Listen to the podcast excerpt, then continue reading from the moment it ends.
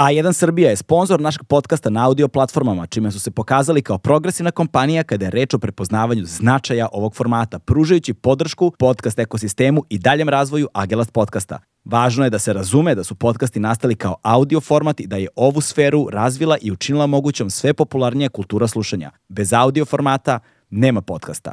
Prijatelj našeg podcasta na audio platformama je i domaći modni brand Legend Worldwide. Prepoznatljiv džins, udobna lifestyle odeća i neupitan kvalitet definisali su brand Legend Worldwide tokom skoro tri decenije uspešnog poslovanja. Be a legend, not a follower.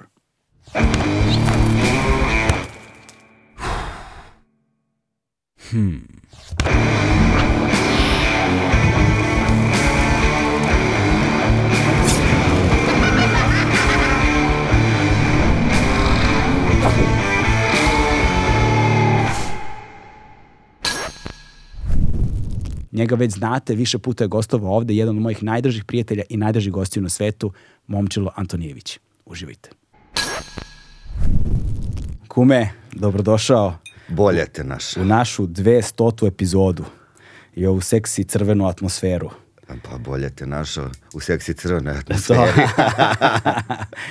ovaj, od, da nazdravimo jednom finom rakicom. Boga mi moramo. Da, ovo je, ovo je Jezdić Rakija. Mhm. Zahvaljujem se na savetima našim dragim prijateljima iz Rakija uglavnom, nakon one epizode Rakiju ne pijem i ne doživljavam više na isti način.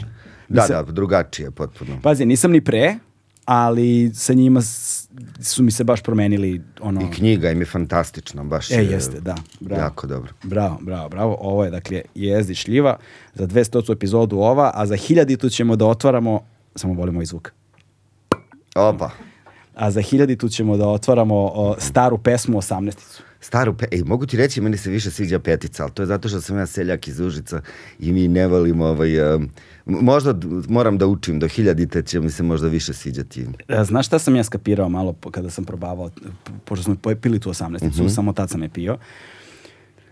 Kad 18 godina tako kvalitetna rakija stoji u buretu, znaš, to, ona se toliko promeni i ona do, postaje kao da, konjak. Ti bukvalno. uopšte više nemaš utisak da piješ Rakiju, da, da. Rakiju, rakiju. Znaš, sad možda ja grešim nešto, ali totalno je jedno drugačije piće. I verovatno zahteva neku vrstu navikavanja. Znaš kad je Samo ovaj- sekund, Mara, hoćeš ti? Hoću, hoću. Ajde, donesi čašu samo.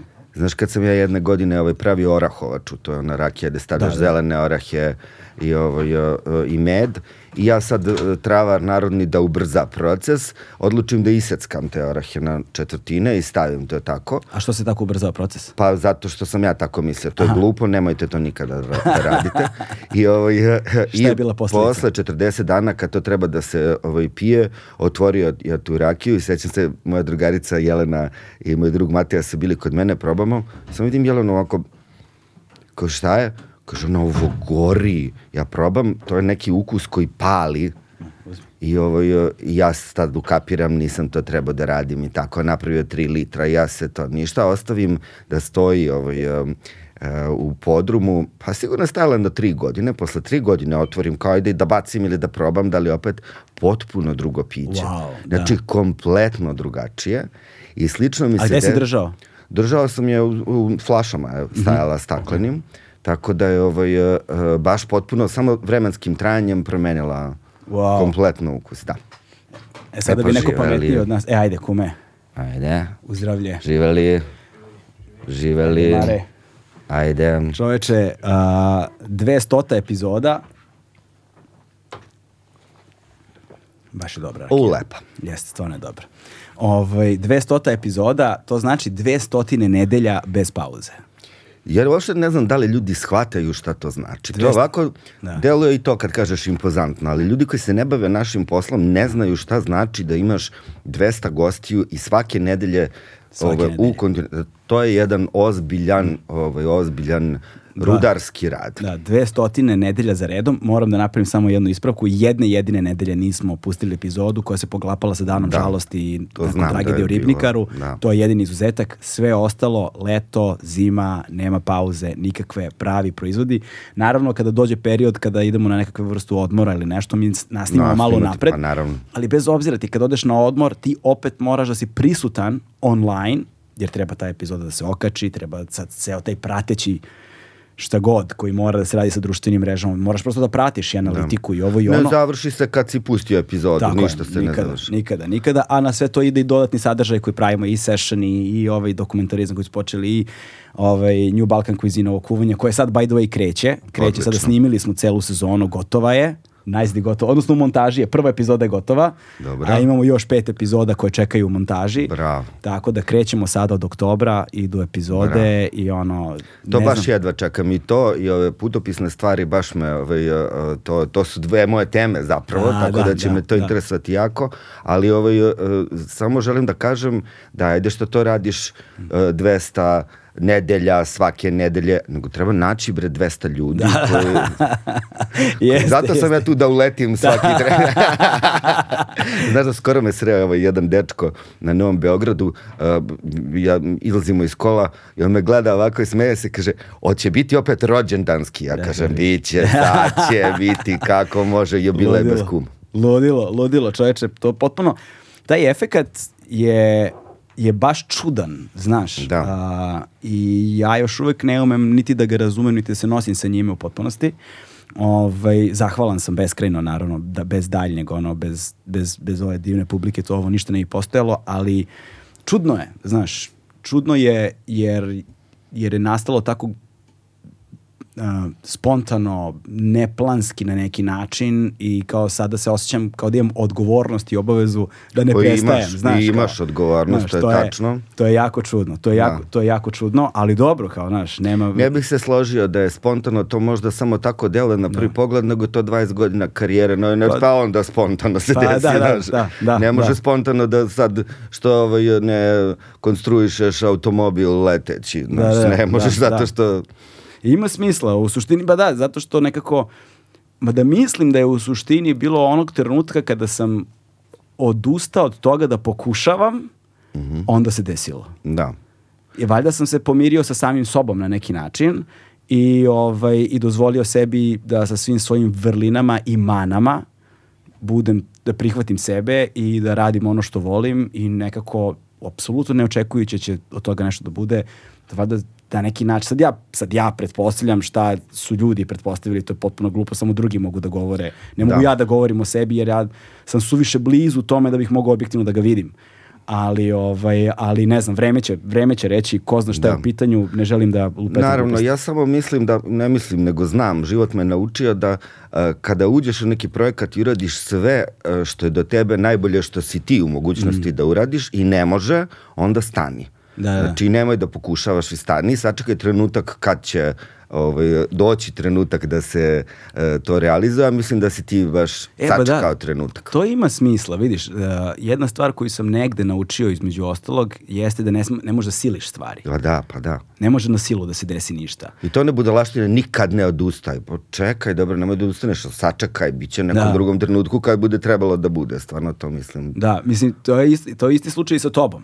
Pa Znaš, da. To je isti slučaj sa tobom. Ti si, meni se najviše dopada kod tebe što nekako tvoj rast je tako prirodan Mhm. i postepen. Dakle, Da. ti nisi imao nijednu fazu stagnacije ili pada. Ti si samo prosto lagano, ne nekim jakim tempom, ali već 30 godina. 30 Ove godine godina, mi je 30, 30 godina. Brate, imam uslov za invalidsku penziju, to sam se zezao. Ovaj. 30 A, godina. 30 godina, 1993. godine u julu sam počeo da se bavim lekovitim biljkama profesionalno tako što sam izašao ispred hotela Palisad da prodajem čajeve i zaradio prve pare u životu. Uh, tako da uh, ove godine je 30 godina. Wow, čoče, to je više, ja, ja sam 20 i nešto u medijima, ti si još... Da. Znači, meni je, kako, ja sam, ja sam, ja sam kraj... malo i mlađi. Ja, da, ja sam malo mlađi. Dve, kraj, ah, šta sam mlađi, ono, znaš, kao... ovaj, uh, ja sam kraj 2000-te, početak 2001. godine, tad sam ja počeo, Da. počeo da radim. Sada je 2023. To je, brate, 22 godine. Pa pune, da. Pune 22 Pa godine, da. čoveče. Da, matori smo. Pa ne znam koliko su matori, samo smo rano počeli. Jeste, samo smo rano Samo smo počeli. rano Šalim počeli. se ja malo i ne verujem. Ja sam se duboko borim protiv ejdžizma na svakom koraku, pošto nekako živimo u vreme kada se e, stariji ljudi i iskusni ljudi e, lako prenebregavaju i mm, ne, daj ovog mali, moderan, on zna te TikTokove. Znaš, to sad tako je nekako postalo prirodno, e, da ljudi koji imaju iskustva i imaju znanje e, su matori. Da, da, da. da. I ovaj, to nije lepo. I ovaj, a posebno nije lepo u ovom poslu koji se, kojim se ja bavim, jer se rapidno znanje koje imamo o lekovitim biljkama gubi. Znači to ja imam utisak iz dana u dan da nestaje to znanje koje mi imamo i ovaj, zato sam odlučio e, ove godine pokrenuo sam jedan projekat zove se Iznanine apoteke i idem po Srbiji snimam ovaj, bake i deke starije ljude uopšte koji mm. daju recepte svoje sa lekovitim biljkama koji su u njihove porodici, koji su uh, provereni, koje oni koriste i tako dalje. Oni nisu a priori travari, već su neko ko ima recept Wow, da, neki. da. A svako ima neki recept. Svako ima neki Da. recept i to su neverovatne stvari. Počeli smo na uh, Staroj planini uh, sa Božanom Vidanović koja mi je dala recept kako se pravi kvasac od hmelja.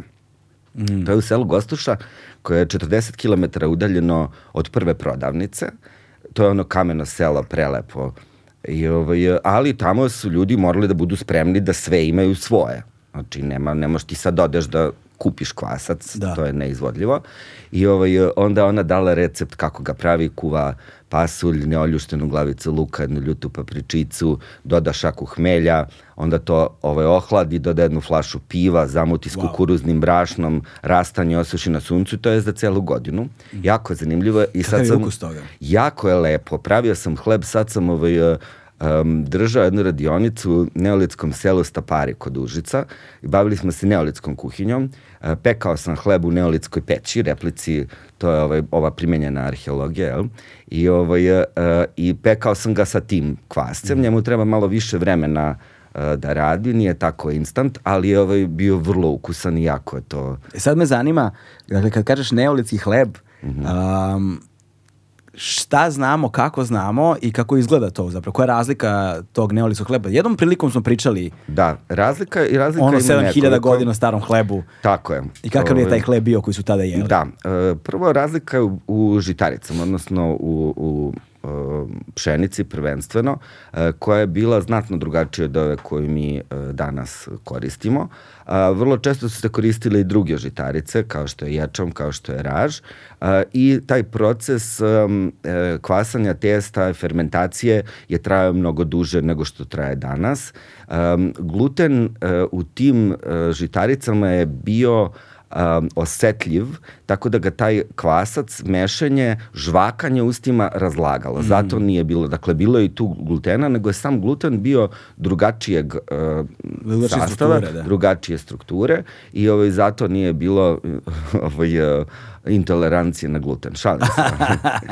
da, ali vratit će se gluten u modu, ne sumnjam ja ovaj, u to. Da. Hleb je, i hleb i kvasac su na uh, lošem glasu, ali zapravo uh, i tu postoji mnogo zabluda i um, treba da kažemo da su recimo naši preci mnogo više koristili kaše od žitarica nego što su koristili žitarice i super mi je, to sam video Andrej Starević koji ti je ovaj, um, bio gost uh, ovde kod tebe uh, je, radili su istraživanje, našli su neke alatke, nisu bili sigurni šta je od kostiju, a to su zapravo kašičice za bebe, prepoznali su zube.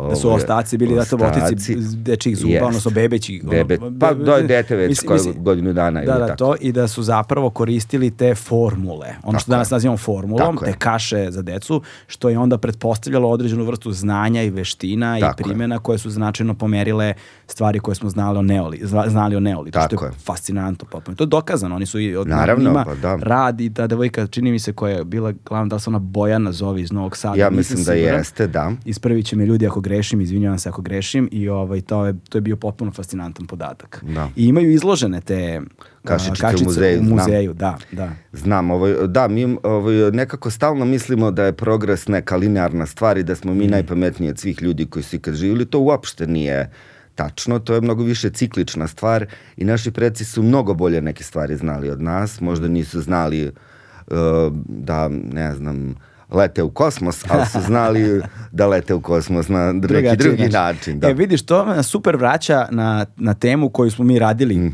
Bog te mazo, koliko godina ima? Mnogo ima godina, ja sam loš sa računanjem. Da, ali ovaj, ima mnogo godina. Pa ima des, Desetak, no, recimo, možda desetak. malo manje. Ovaj, e, I kada, kada smo radili, jedna stvar koja je meni bila fascinantna, koju si ti negde već znao, a to je, koli, i to se nadovezuje na ovu temu koju si malo prepomenuo, koliko znanja smo mi zapravo Izgubili. zauvek izgubili. Tako je. zaovek izgubili. I onda recimo u saradnji sa, sa recimo Repketom, sa mm -hmm. Repeđićem, jel te, kada smo Mhm. Pozdrav se za našeg druga Repketa, Repketa. pozdrav za njega. Ovaj, on, se, on je preuzeo na sebe da zapravo a, beleži a, običaje u izumiranju Mhm. koji se u vlašoj kulturi pre, prevashodno prenose usmenim putem. I da zapravo mi sada negde smo svedoci poslednjih generacija Da. ljudi koji praktikuju te običaje na taj način i ukoliko njih ne zabeležimo audio, video, fotografijama i tako dalje, one će zaovek biti izgubljene. Što je stvarno sjajan podohvat koji verujem da za malo, malo ljudi za njega zna i ne, ne, nedovoljan broj ljudi ga ceni, Da. ovaj, ali je izuzetno značajan i čini mi se da negde i ovo što si ti počeo da radiš sa tim receptima je stvar koja zaista ima ogromnu vrednost u budućnosti, a negde i govori možda ono heterogenosti upotrebe jednih je. te istih stvari, ono od mesta do mesta i načina koji su se one menjale i razvijale, jer to negde imamo i sa domaćom kuhinjom. Znaš, svi će uvek Da. reći kao kako moja baka, mama ili kogod pravi ajvar, taj je najbolji. Pa da. Znaš, ne, ne, ne postoji standard za kvalitet, nego za ono što smo mi emocionalno vezani uz odrastanje. Da, ovaj, e, ali tako je u Italiji, svačija mama najbolje pravi Je, e, je. pastu, Da. ali je jako zanimljivo ovaj, da baš kad, kad pričamo o, o, o običajima vlaškoj kulturi, bilo mi je vrlo interesantno, bio sam ovaj, kod mog e, drugara Dejana i onda bio je praznik, Ivandan, kad su inače se smatra da su biljke posebno lekovite u našoj kulturi, sad idemo mi da beremo te biljke. Dejana Popovića. Da, koji Popović, Dejana, da. Pozdrav za Dejana. Ovaj pozdrav za deke i tu smo bili e, na selu kod njegove bake Mile i sad nam ona objašnjava, ja sam to zabeležio šta se radi kao tog dana i tako dalje i onda oni pale obavezno jednu biljku koja je kao pomirišio, znaš što je ovo? Kažem, ne znam, nikad nisam vidio. Pomirišeš, ona ima predivan neki miris i onda kada se zapali ima potpuno drugi. Kao ona je Paolo Santo nešto. Kako se zove? Ona sad žena zna samo vlaški naziv te biljke, ne zna kako se zove. I, ali kaže, idemo da ti pokažem, ima samo na jedno mesto da se nabere i odemo mi ovaj, naberemo. E, to je e, teuksi, Teucrium pseudodiva se zove na latinskom, a na srpskom se zove tamljanika, pazi. Mm. Znači, kompletno se koristi u iste svrhe kao kao tamjan i ovaj, ja sam e, posebno srećan, posebno posle 30 godina bavljena lekovitih biljaka, biljkama kad mi neko otkrije nešto što, novo što, nisi nisam video, da. video i znao, ali ovaj, jako, je, jako je to bilo zanimljivo i onda sam to sve snimio, fotkao i ovaj, negde ćemo pokušati da to otrgnemo od zaborava. I sad to, je, sad si me lepo dao šlagvort za jednu temu koju si pominjao da želiš da radiš, sad ne znam da li ti to želiš da otkrivaš ili ne, ali je priča zapravo o Tamjanu, je li tako, fascinantna. Jeste. To, to, to, te stvari za- zapravo uopšte nisam znao. Samo sekund, Mare, hoćemo da ovo bordelsko svetlo malo promenimo, žao mi da ove ribice bleje u ovoj crvenoj boji. Žao mi da, da pričamo o tamjanu u ovoj čekaj da im ja, atmosferi. čekaj da im ja vratim normalnu. Evo ga. Ćao ribice, evo izvinite što sam vas maltretirao. A1 je prvi prijatelj audio izdanja Agelast podcasta. Izvinite što sam vas umetao crvenom bojom. Evo sad smo nazad u, u normali. Ajde još jednom kumi. Ajde, živeli. Ajde zdravije. Mm. Tamjan. Tamjan je izuzetno ovaj, um, važan i značajan i lekovit. I ovaj, um, ni, ne zna se dovoljno o tome. To je zapravo um, jedna smola koja se dobija od uh, zasecanjem drveta iz roda Bosvelija. Ima nekoliko uh, Bosvelija sakra, Bosvelija serata. Um, zvanična nauka kaže četiri, ali ovaj, uh, uh, moj prijatelj Duško koji se bavi uh, tamjanom kaže da ih ima više i ovaj, ja sam želeo da odem uh, na rog Afrike u Etiopiju, u Somaliju, u Oman, gde se to drveće e, gaji i da e, snimim taj e, ceo proces koji je izuzetno zanimljiv i izuzetno važan, posebno zato što su Bosveli obolela neke misteriozne bolesti i veliko je pitanje -hmm. kako će to dalje da se razvija, ali je vrlo interesantno da je to drvo koje ne može, gotovo niko nije uspio da ga presadi nigde drugde. U Indiji postoji jedna vrsta, posebno ta, ovaj, ta serata, ali ne može da raste na vrlo ograničenom broju e, mesta i e, moderna nauka je utvrdila da pored toga što to paljanje tamjana nije hrišćanska samo isključiva stvar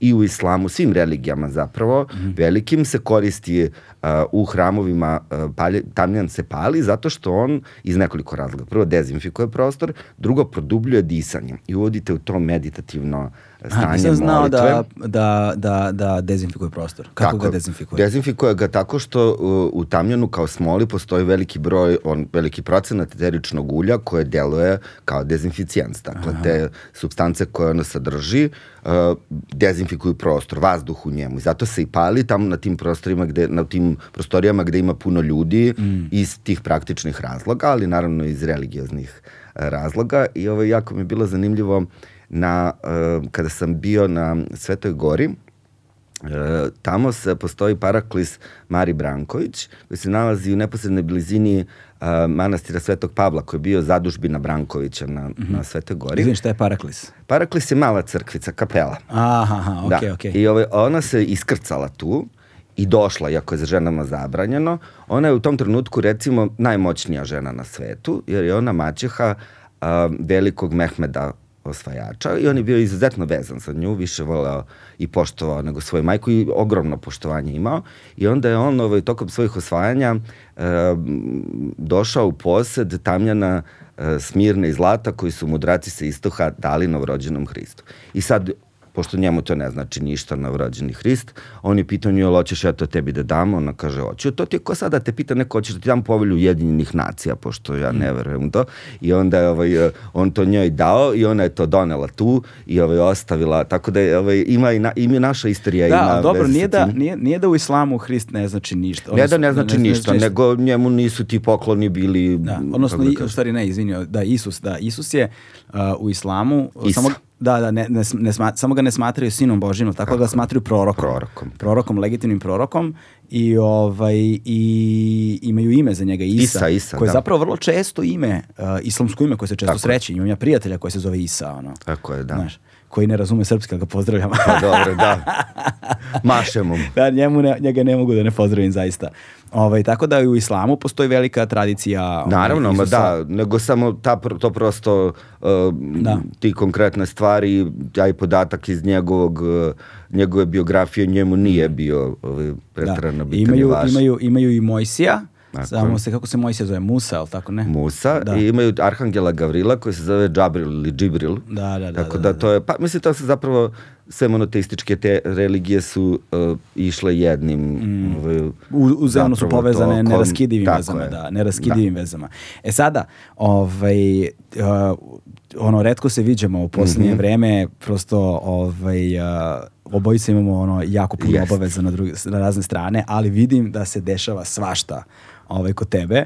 Ovaj, ti si baš juče došao sa Kosmaja. Jeste. Da, biljarnice, se tako zove. Šta je, šta je koncept biljarnice? Jer vidim da imaš jako puno ljudi sa kojima mm -hmm. radiš, ono što mi se baš dopada. Kako ljudi reaguju, to me zanima. Koliko ljudi imaš, koliko su ljudi zainteresovani, da. kakav profil ljudi dolazi, šta sve radiš? Biljarnica je ovaj, uh, moja škola poznavanja lekovitog bilja, uh, koja ima nekoliko oblika. Um, postoji ta biljarnica koja se država uživo i tu ljudi dolaze i tokom dva meseca uh, imamo druženja, predavanja gde učimo neke konkretne stvari o biljkama, kako se one mešaju, kako se beru suše, kako se prave tinkture melemi i idemo na izlete da ljudi mogu da te biljke uberu. A postoji online varijanta iste te škole koja uh, dobije čovjek privatni link na mom YouTube kanalu i onda nauči, ovaj, sluša sve A, to što smo... privatan link, znači ti imaš videa na svom je. kanalu koji su samo privatni. Tako je, koji su samo namenjeni za ljude koji su ovaj, krenuli sa biljarnicom online i za ljude koji su idu na tu biljarnicu uživo da ne moraju da vataju beleške, nego da mogu da gledaju ta predavanja kad žele i koliko puta žele u određenom vremenskom periodu, naravno.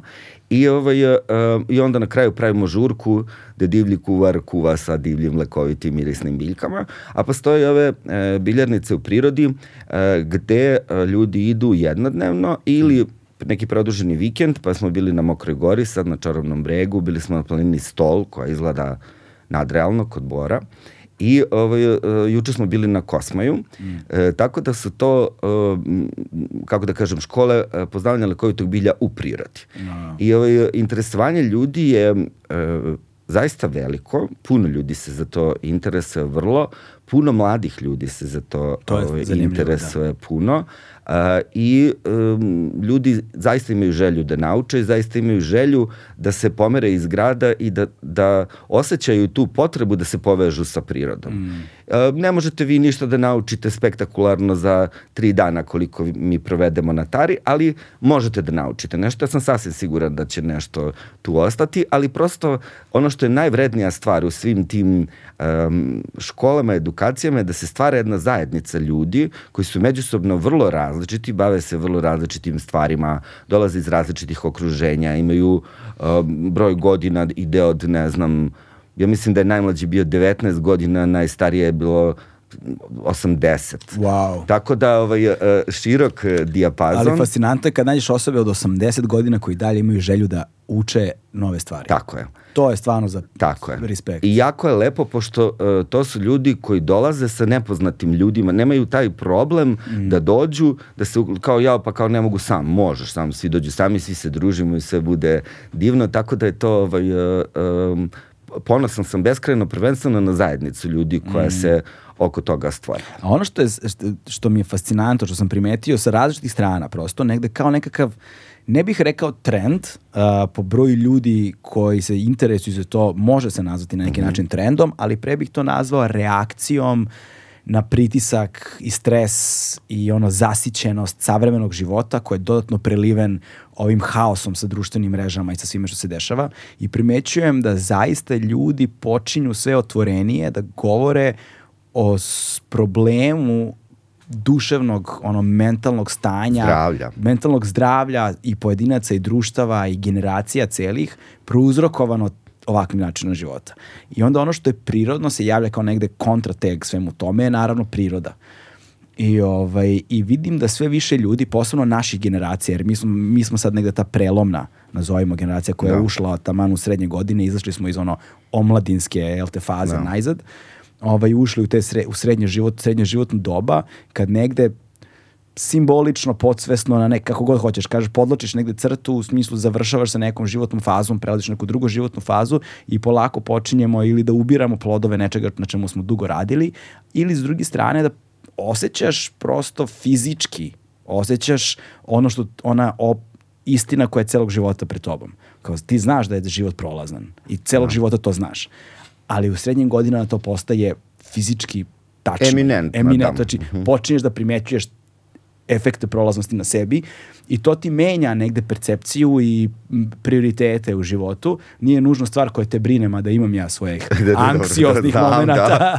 kada razmišljam o tome, ali te negde prirodno usmerava ono ka tome da se da, da, da preispitaš svoje prioritete. I vidim da veliki broj ljudi baš to, naših generacija u velikoj meri počinje polako da se izmešta iz gradova. Da. I da ima tendenciju izmeštanja i onda sam saznao recimo za neku komunu, neću da ih otkrijem, ono, ali u blizini mm -hmm. Sokobanje. Dobro.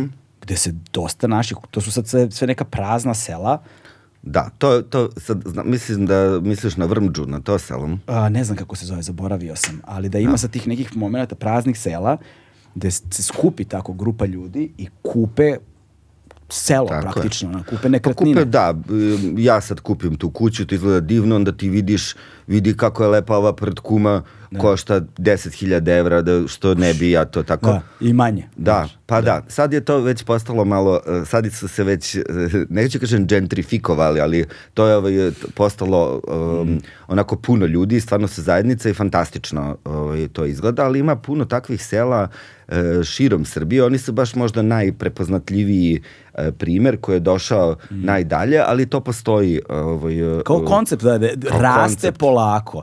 I Da. onda nekako sad to odlaze, to su ljudi i obično ljudi naših godina koji odlaze, to su ili sad i mlađi bračni parovi, jel te, sa, ma, sa sitom decom i tako dalje. I kao kreira se nekakva vrsta zajednice koja prestaje polako da živi u gradovima ili koja ima neku dobru konekciju sa gradom, jer ja sam počeo da primećujem, ono, pošto sam jako često govorio na Milanovcu, Miloš Veliki autoput, meni je sat vremena Pa da. Beograd ja znaš koliko puta ovde, odavde do kuće izgubim sat vremena samo u saobraćaju u špicu. Da. Znaš, tako da meni vremenski posmatrano ne konzumira Previše vremena, ma da. ništa dodatno, a kupuje mi mir kakav ne, mogu, nisam, ne mogu ni da sanjam ovde. Problem je, e, postoji jedan problem u celoj toj priči, a to je škola. Tako je. Škola je baš veliki problem za, malu, za ljude sa, sa malom decom, jer vi kada odete na staru planinu koja je predivna, znači to je jedno tako divno, ne, meni prosto me strah da pričam o tome koliko je lepa, da neko ne dođe da to Da. nešto uništi i devastira, pošto smo imali ovaj, takvih primera, ali vi kada odete na Goliju ili na staru planinu, to je zaista fascinantno, ali vaše dete i njegov odlazak u školu uh, i, i uopšte škola je zaista veliki problem i onda mora ceo život da se ovaj, usmeri ka tome Tako da ovaj, uh, kad bi se to samo malo popravilo, mislim da je to ono najkritičnija tačka. To mislim da teško da će se popraviti, jer evo, prema podacima koje imamo zvanično, to, ja, pošto ja, ja radim relativno često ove epizode koje su u vezi sa obrazovanjem, posebno što svake godine imamo za 1. septembar uvek epizodu koja je posvećena obrazovanju, I u jednoj od prethodnih epizoda smo do, sam dobio informaciju da se godišnje između, uh, koliko beše, 35 i 50 recimo, ali da ne želim da preteram, ali mislim da, Da. tako nešto, 35 i Ugasi. 50 škola u Srbiji godišnje gasi. Da.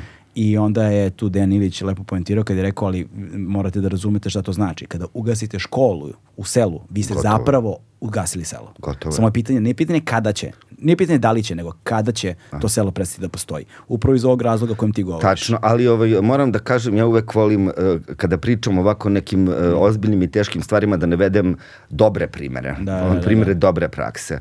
Uh, u blizini Užica u našoj opštini se nalazi jedno selo Ravni se zove, koje uh, ima svoju osnovnu školu, koje je imalo orkestar mandolina i ima svoje isturano odeljenje uh, u selu Drežnik, gde ja ovaj, imam imanje.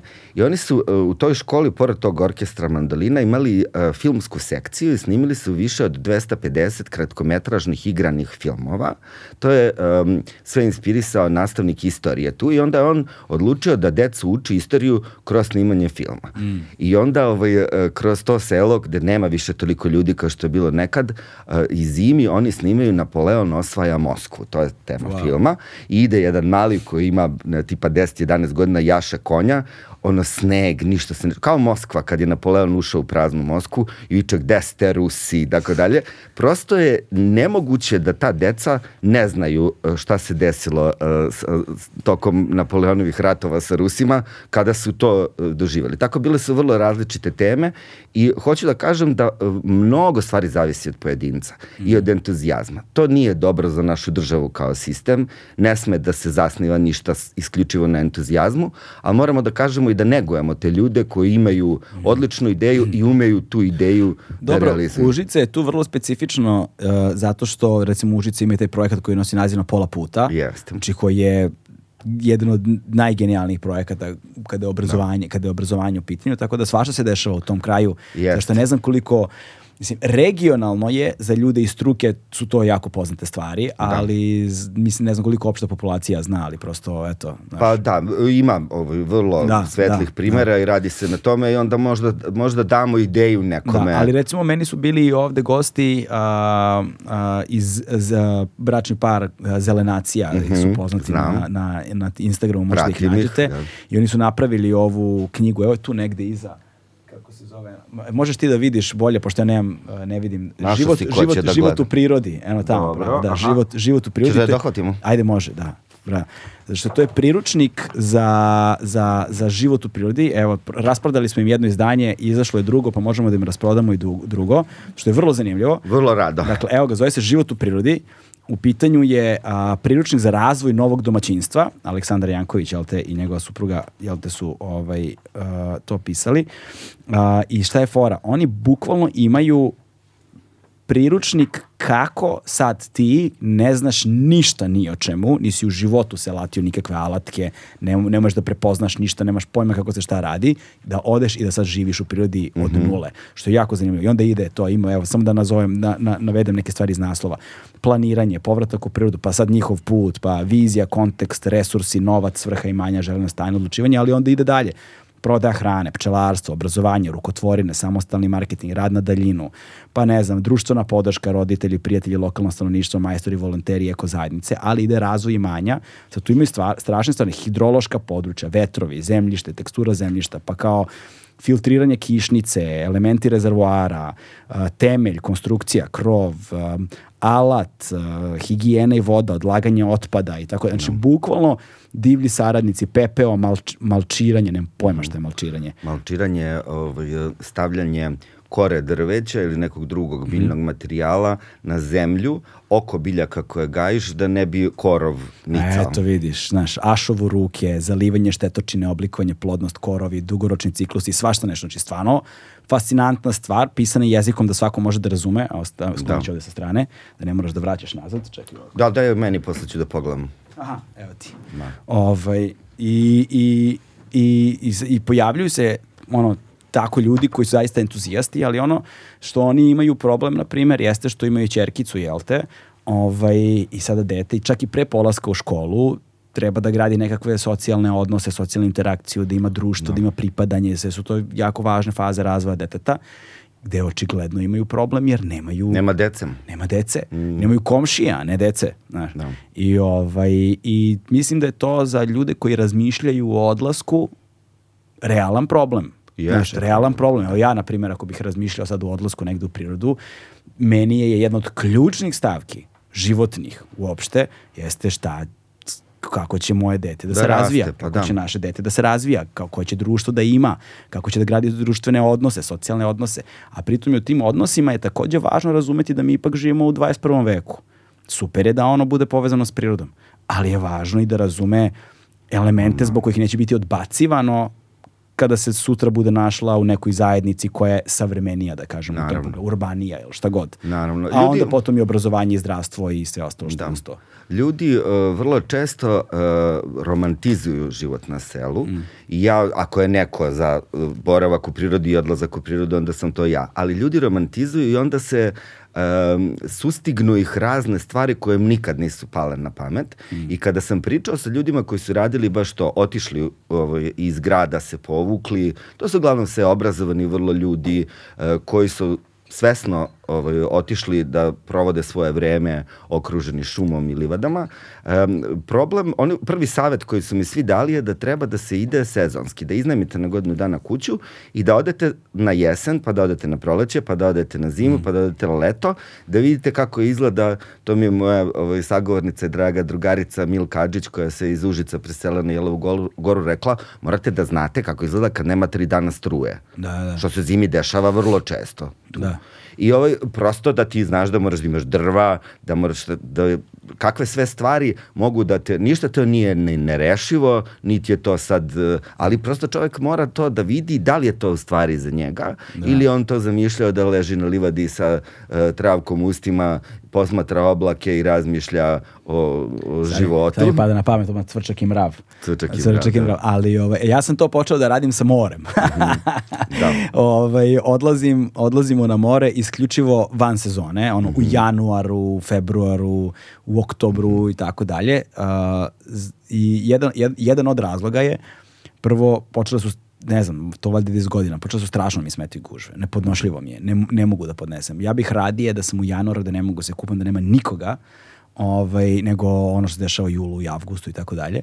Ali s druge strane takođe je činjenica da ono uskoro dete kreće u predškolsko pa u školu, a kada dete krene u školu, onda tvoj život, ti postaješ rob rutine i ti možeš na odmor kada su letnji i zimski raspusti. Da. A to je kada svi idu. To su ti ono prime time, ono letovanja i zimovanja najgora moguća i nemaš mnogo opcija okolo toga. Možda neki vikend ovako ili onako, ali ono ti se sad određuješ prema detetu i vremenski period te slobode, nazovimo je tako, se smanjuje, vremenski okvir se smanjuje i onda hajde da ga iskoristimo dok se ne Najbolje, desi, da. znaš Tačno. dok ne postanemo ono klasični sezonci. Da, da, da, Znaš, da. što nas neminovno čeka se jednog, onog trenutka kada dete krene u školu.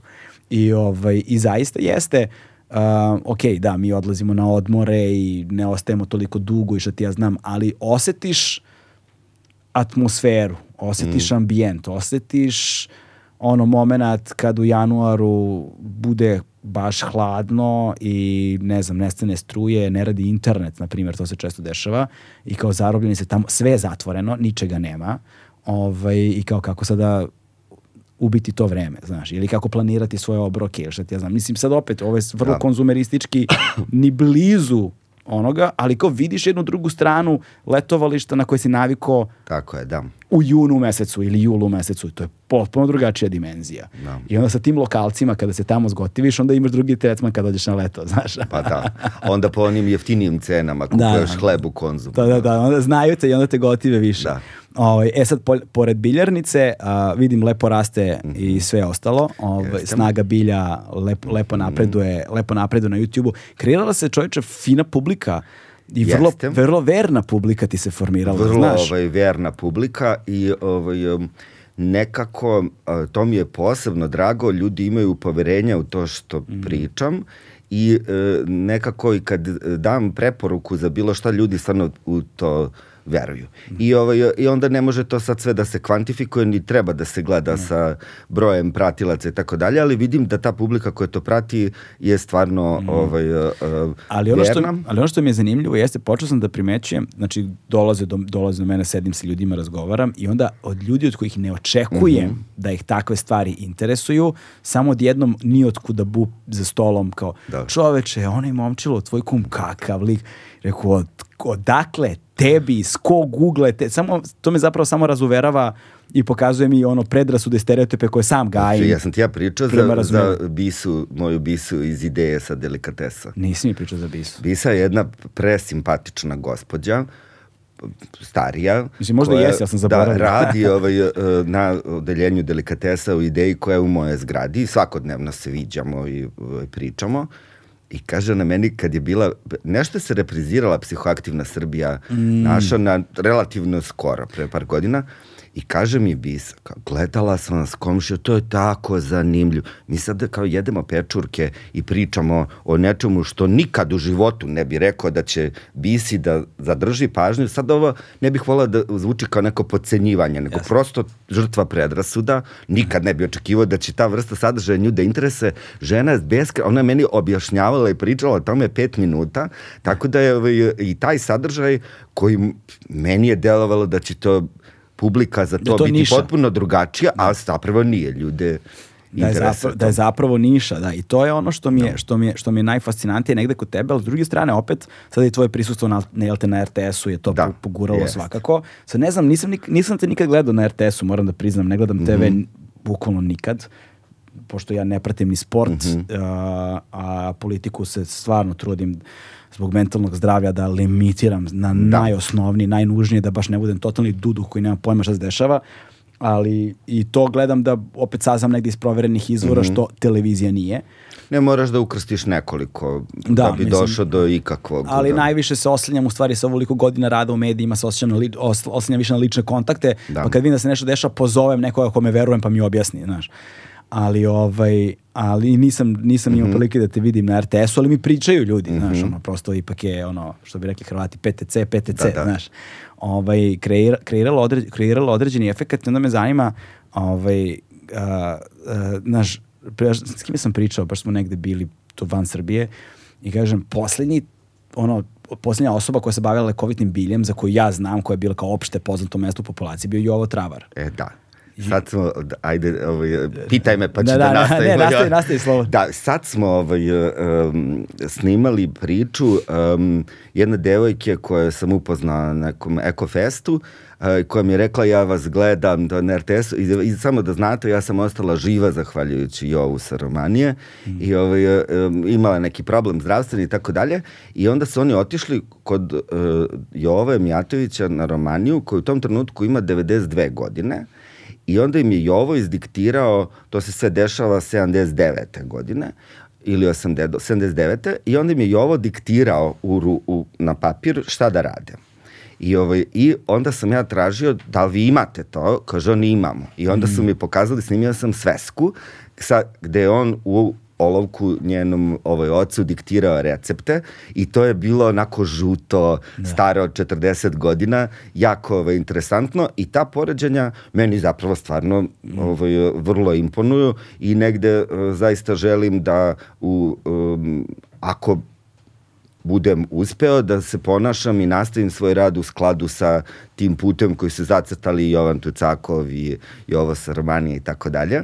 Ali ovaj, jako je zanimljivo pošto uh, moja rubrika uh, Tajna bilja na RTS-u je utorkom u jutarnjem programu I zapravo, uh, sad sam počeo da gledam jutarnje programe, naravno RTS-a, moje televizije, ali i svih drugih televizija i to mi je negde, ne baš svih drugih, da budemo pošteni, ajde da sad ne lažemo, Da, da, da. ali gledam nekoliko jutarnjih programa, to je zapravo prava mera uh, koja je meni dovoljna. RTS ima ogromnu uh, mrežu dopisnika i kad bi ti saznao za neki običaj u Rađevini mm. na Petrovdan ili da je, ne znam, zatvoren neki put ili da se otvorila neka škola, da postoji neka inicijativa. Neke informacije koje mi zapravo danas nigde drugde ne možemo da dobijemo i koje zapravo mene ni uslovno ni ne zanimaju, ali izlaze iz mog babla. Jer mi ovaj, zapravo na društvenim mrežama smo kreirali uh, jedan uh, put do kojih informacije nama dolaze Da. i to tačno one koje nas interesuju,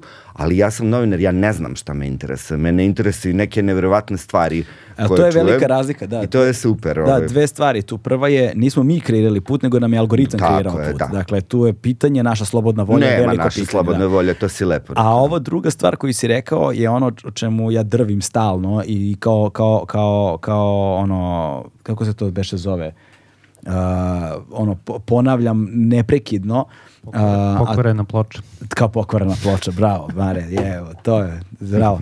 Kao Sad pok- rekao, rećeš nešto. Nešto, da, ne, kao pokvarena ploča, dakle, Pokvarena po, ploča. po, ponavljam non stop, a to je da ovaj, a, ti ne znaš šta te zapravo To, interesuje. pa ne znaš. I, I postoji ono što ljudi žele i postoji ono što ljudima treba i to nisu nužno dve iste stvari. Da. I zato je strahovito važno da postoje ljudi koji će da uređuju sadržaj. Uređivanje sadržaja je ono što je činilo veli, je. medije medijima i one sekunde kada su urednike zamenili menadžeri koji donose poslovne odluke, sve otišlo dođevala. Tako je. I, i, I oni što, daj ovo, ovo narod voli. to je ono što, Znaš, šta, šta će ljudi da kliknu, Da, da. šta će da im privuče pažnju, a ne ono što će nužno da ih zainteresuje ili možda neće da ih zainteresuje, ali tvoj je način da pronađeš Da. kako da ih To zainteresuje. je glupo i pogrešno iz pozicije naše profesije, ali je glupo i pogrešno iz pozicije menadžera koji prodaje. Da. Jer ti zapravo, to što će neko da klikne, ti si ga kao zezno s lažnim naslovom, a on pročita neku budalaštinu, što da neće možda da kupi i pročita oglasno, to samo će da izađe. Mislim, Pa prosto, da, da, to- ne mislim ni da je to... To, ovaj, to, se, to se za ljude koji ne znaju u web novinarstvu naziva bounce rate. Kada ljudi vide neki naslov i onda kliknu i onda ih odvede na sajt te stranice i sada je fora u tome procenat, što je veći bounce rate, to je lošije te, za tvoju analitiku, a to je koji broj ljudi koji su otišli na tu stranicu je ostalo na stranici ili se vratilo nazad na mrežu sa kojoj su surfovali, što je najčešće Facebook uglavnom, jer sa drugih mreža ljudi nemaju tendenciju da idu Da idu dalje, bilo gde, da. da idu bilo gde, jer svaka mreža je sva, smatra druge, druge konkurencijom i da gleda kako da te zadrži pažnju tu, da bezumno scrolluješ zauvek, ono, kako to zovu, doom scrolling, ono.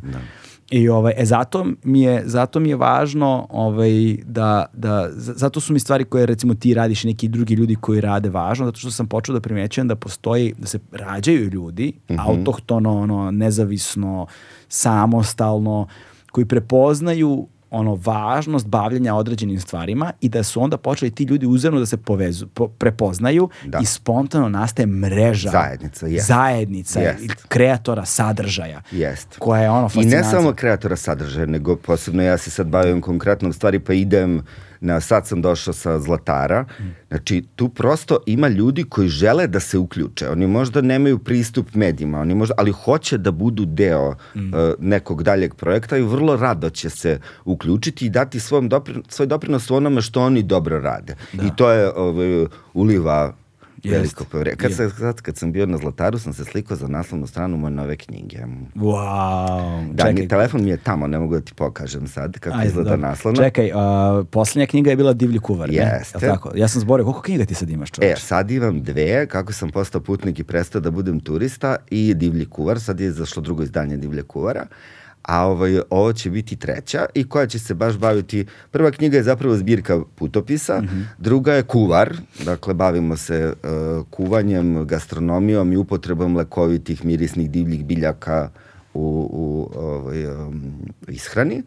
A e, treća će baš biti vezana za lekovite biljke, ono što je moja najuža uh, ekspertiza. Ove dve, neću da kažem da su nastale slučajno, ali nekako su ovaj, uh, nastale uh, sticajem određenih okolnosti. Ovo je nešto što ja planiram čitav život da uradim i sad ću da ga uradim onako kako mislim da treba A kad kažeš, i radujem se. E, šta, a šta to znači zapravo? Zato što je posljednja knjiga koju sam ja kupio a, je bila profesora Radiša Jančića, Mhm. a, koji je sa sinom svojim a, objavio, kako se beš zove, Dar, Dar Bogova, Dar- nešto tako. Tako je, zove se uh, Dar neba, cveće zla. Jel tako se zove, A, a? Da, e, to je pored profesora Jančića, Mislim da je njegov sin. E, da li još jedan autor ima, on se zove Danilo, ja mnogo mi je krivo što sad ne mogu se setim, on i radi na farmaceutskom fakultetu i nastavio je tu, tu tradiciju i ovaj, e, e, knjiga je fantastična, jako Ali dobra. je zapravo knjiga samo, kako bih na, rekao, um, kao leksikon, na primer, ono le, bilja Mhm. i gde ima ono uh, ime, latinsko, naziv, kao morfološki oblik i to i samo je neka klasifikacija, da kažemo, nije ništa više od toga.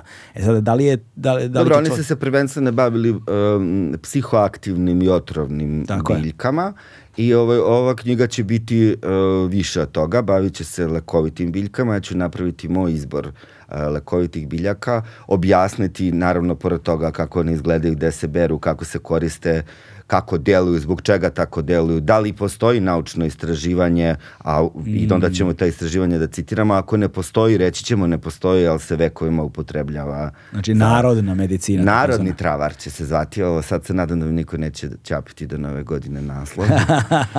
Ali ovaj, okačit ću sliku odmah na, na Instagram da, da kažem da sam... Imaš da omot se već, da. Imam omot, da.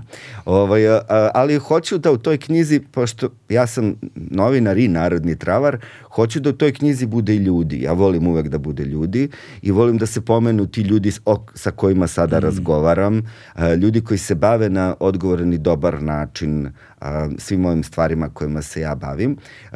U knjizi će biti naravno, ne, nećemo, neće biti knjiga koja je namenjena samo ljudima koji žele da se bave lečenjem i lekovitosti, bit će tu naravno uvek i malo hrane, bit će uvek malo i narodnih običaja i legendi, Da, da. nekih ovaj, neobičnih stvari, e, tako da ovaj, se nadam da ću to um, napraviti da bude Čoveč, a znači bit će i kao ono uh, upotreba Biće. Dakle, kao kako se, kako se Kako bere, se kako se upotrebljava, kako se je. sprema Jest, za različite. I jest. to će vjerojatno da bude onda, pošto svaka biljka možda ima različite na, vidove upotrebe, različite Tako načine je. spremanja. Sve ćemo to da stavimo tu i svaki, svaka biljka će biti praćena QR kodom koji vas vodi na moj YouTube pa vidite kako to izgleda stvarno Mm. u prirodi, što je velika stvar, jer ljudi nekada nisu sigurni kako neka biljka izgleda, tako da ćemo tu da damo i te, jel kao, narodni travar uh, na internetu. Ovaj, Malo ćemo da spojimo i moderne tehnologije sa... Strava, čoče, ali ono što mi je takođe tu, ovaj, e sad zanima me naravno da saznam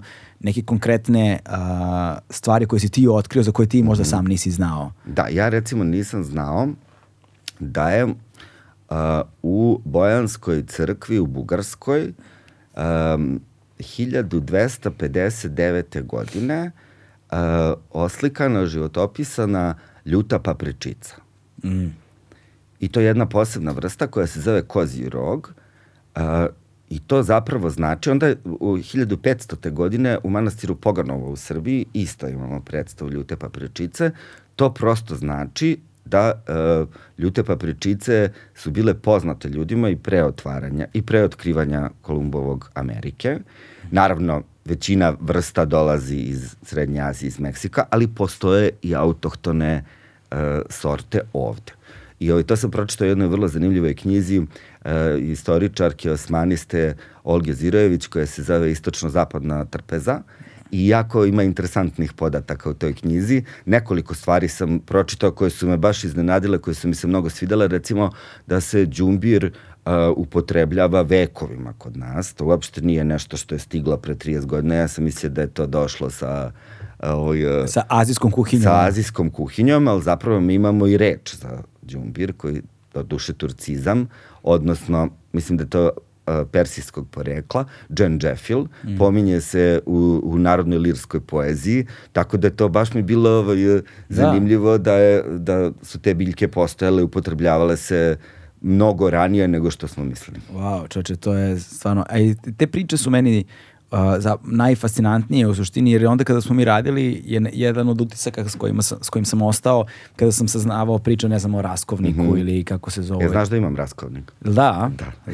Mislim, um, to je ovaj, biljka koja zapravo postoji ne raskiva nikakve okove i katance, ali ovaj, postoji ta biljka, postoji čak tri vrste koje raste u Srbiji i onda mi je moj drugar Neša Travka iz Niša koji ima kuću strave, mm. ovaj, malo igra reči jer je sa travama, da, a u Nišu se kaže strave, da. a malo je kuća strave, tako. Jedno neverovatno mesto, kao Ladinova pećina izgleda, on ima ceo jedan zid koji je pun Čekaj, zar nije, zar, zar nije on imao neki restoran ili je to nešto drugo? Pa to je kuća strave, to je to, jedan, ne mogu da kažem Veganski. restoran, ali jedan koncept gde ovaj, zapravo to je kuća gde oni sprema tu hranu, možeš da se najaviš, možeš i da kupiš neke njegove proizvode, možeš i da sediš i uživaš u najneverovatnijim pričama koje se tamo ovaj, pričaju, tako da je to jedan vrlo živopisan lik i jedan jako interesantan čovjek. Ali čekaj, on nešto dugo to radi. Dugo, to, to da, nešto da, da, jako dugo postoji. Ja sećam sam prvi put čuo za, za njega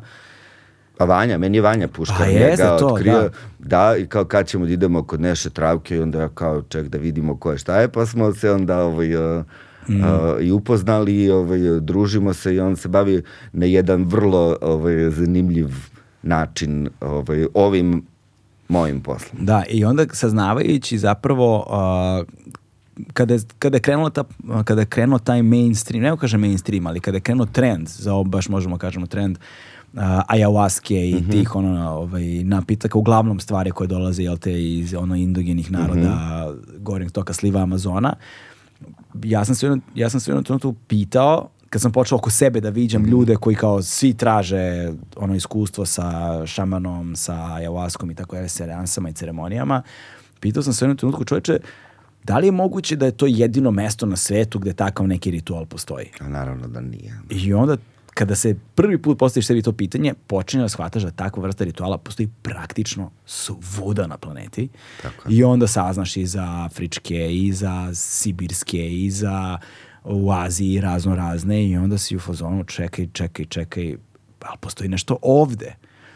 I jedina stvar za koju sam znao ovde su bili naravno ono što, čime, što su na majke govorile kad se ponašaš nevaljalo, jesi se najobunike. Se najobunike. Šta bunca? Šta bunca, šta da, da, bunca, da. šta ako je. I druga stvar je bila tatula, znaš, mm -hmm. naravno. To su jedine dve, ali one ali nisu bile čuvene po dobru, jel te, znaš, po nekom da. ono, medicinskom svojstvu. I onda kada, kada sam se zainteresovao, što je jel ti tebe zanimalo, mm -hmm. kad smo krenuli, ja sam te počeo da saznajem te mitove i legende narodne ovaj, koji zapravo govore, koji svedoče o jednom znanju, o mhm. veštini koja je postojala ovde dugo godina i samo u jednom trenutku nestala i izgubljena. Mislim, prosto da. ostale su samo narodne priče i bajke. Ostale da. stvari, ne bajke, ali narodne ono, legende su ostale, ali znanje je konkretno izgubljeno.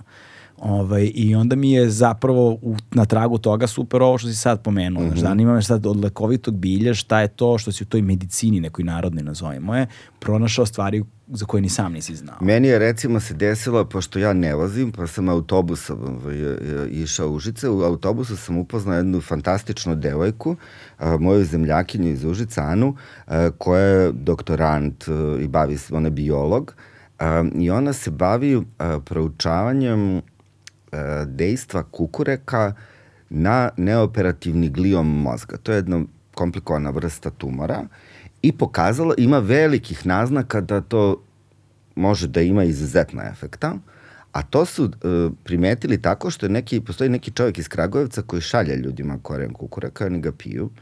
To nemojte, ni, mislim, samo da se odmah razumemo, nemojte slučajno da pijete kukurek nikada. Taj čovjek to verovatno radi iz najbolje namere, on to ni ne naplaćaju njemu je to verovatno pomoglo, ali to toliko je opasno i otrovno, ali nekada su naši predsi znali da to upotrebe, a da ostanu živi. Po 7-8 puta on izaziva i halucinacije kada se uzme u velikim mm. količinama, mm. ali onda se bavi preučavanjem i dobila stipendiju za to, Evropska unija dala novac, tih um, u nanokoličinama alkaloida iz kukureka za lečenje tih ozbiljnih bolesti. Pa mi je onda ovaj institut koji je, u, što gledam sa moje terase s prozora, ovaj, za biološka istraživanja, Siniša Stanković, tamo kakve se stvari rade.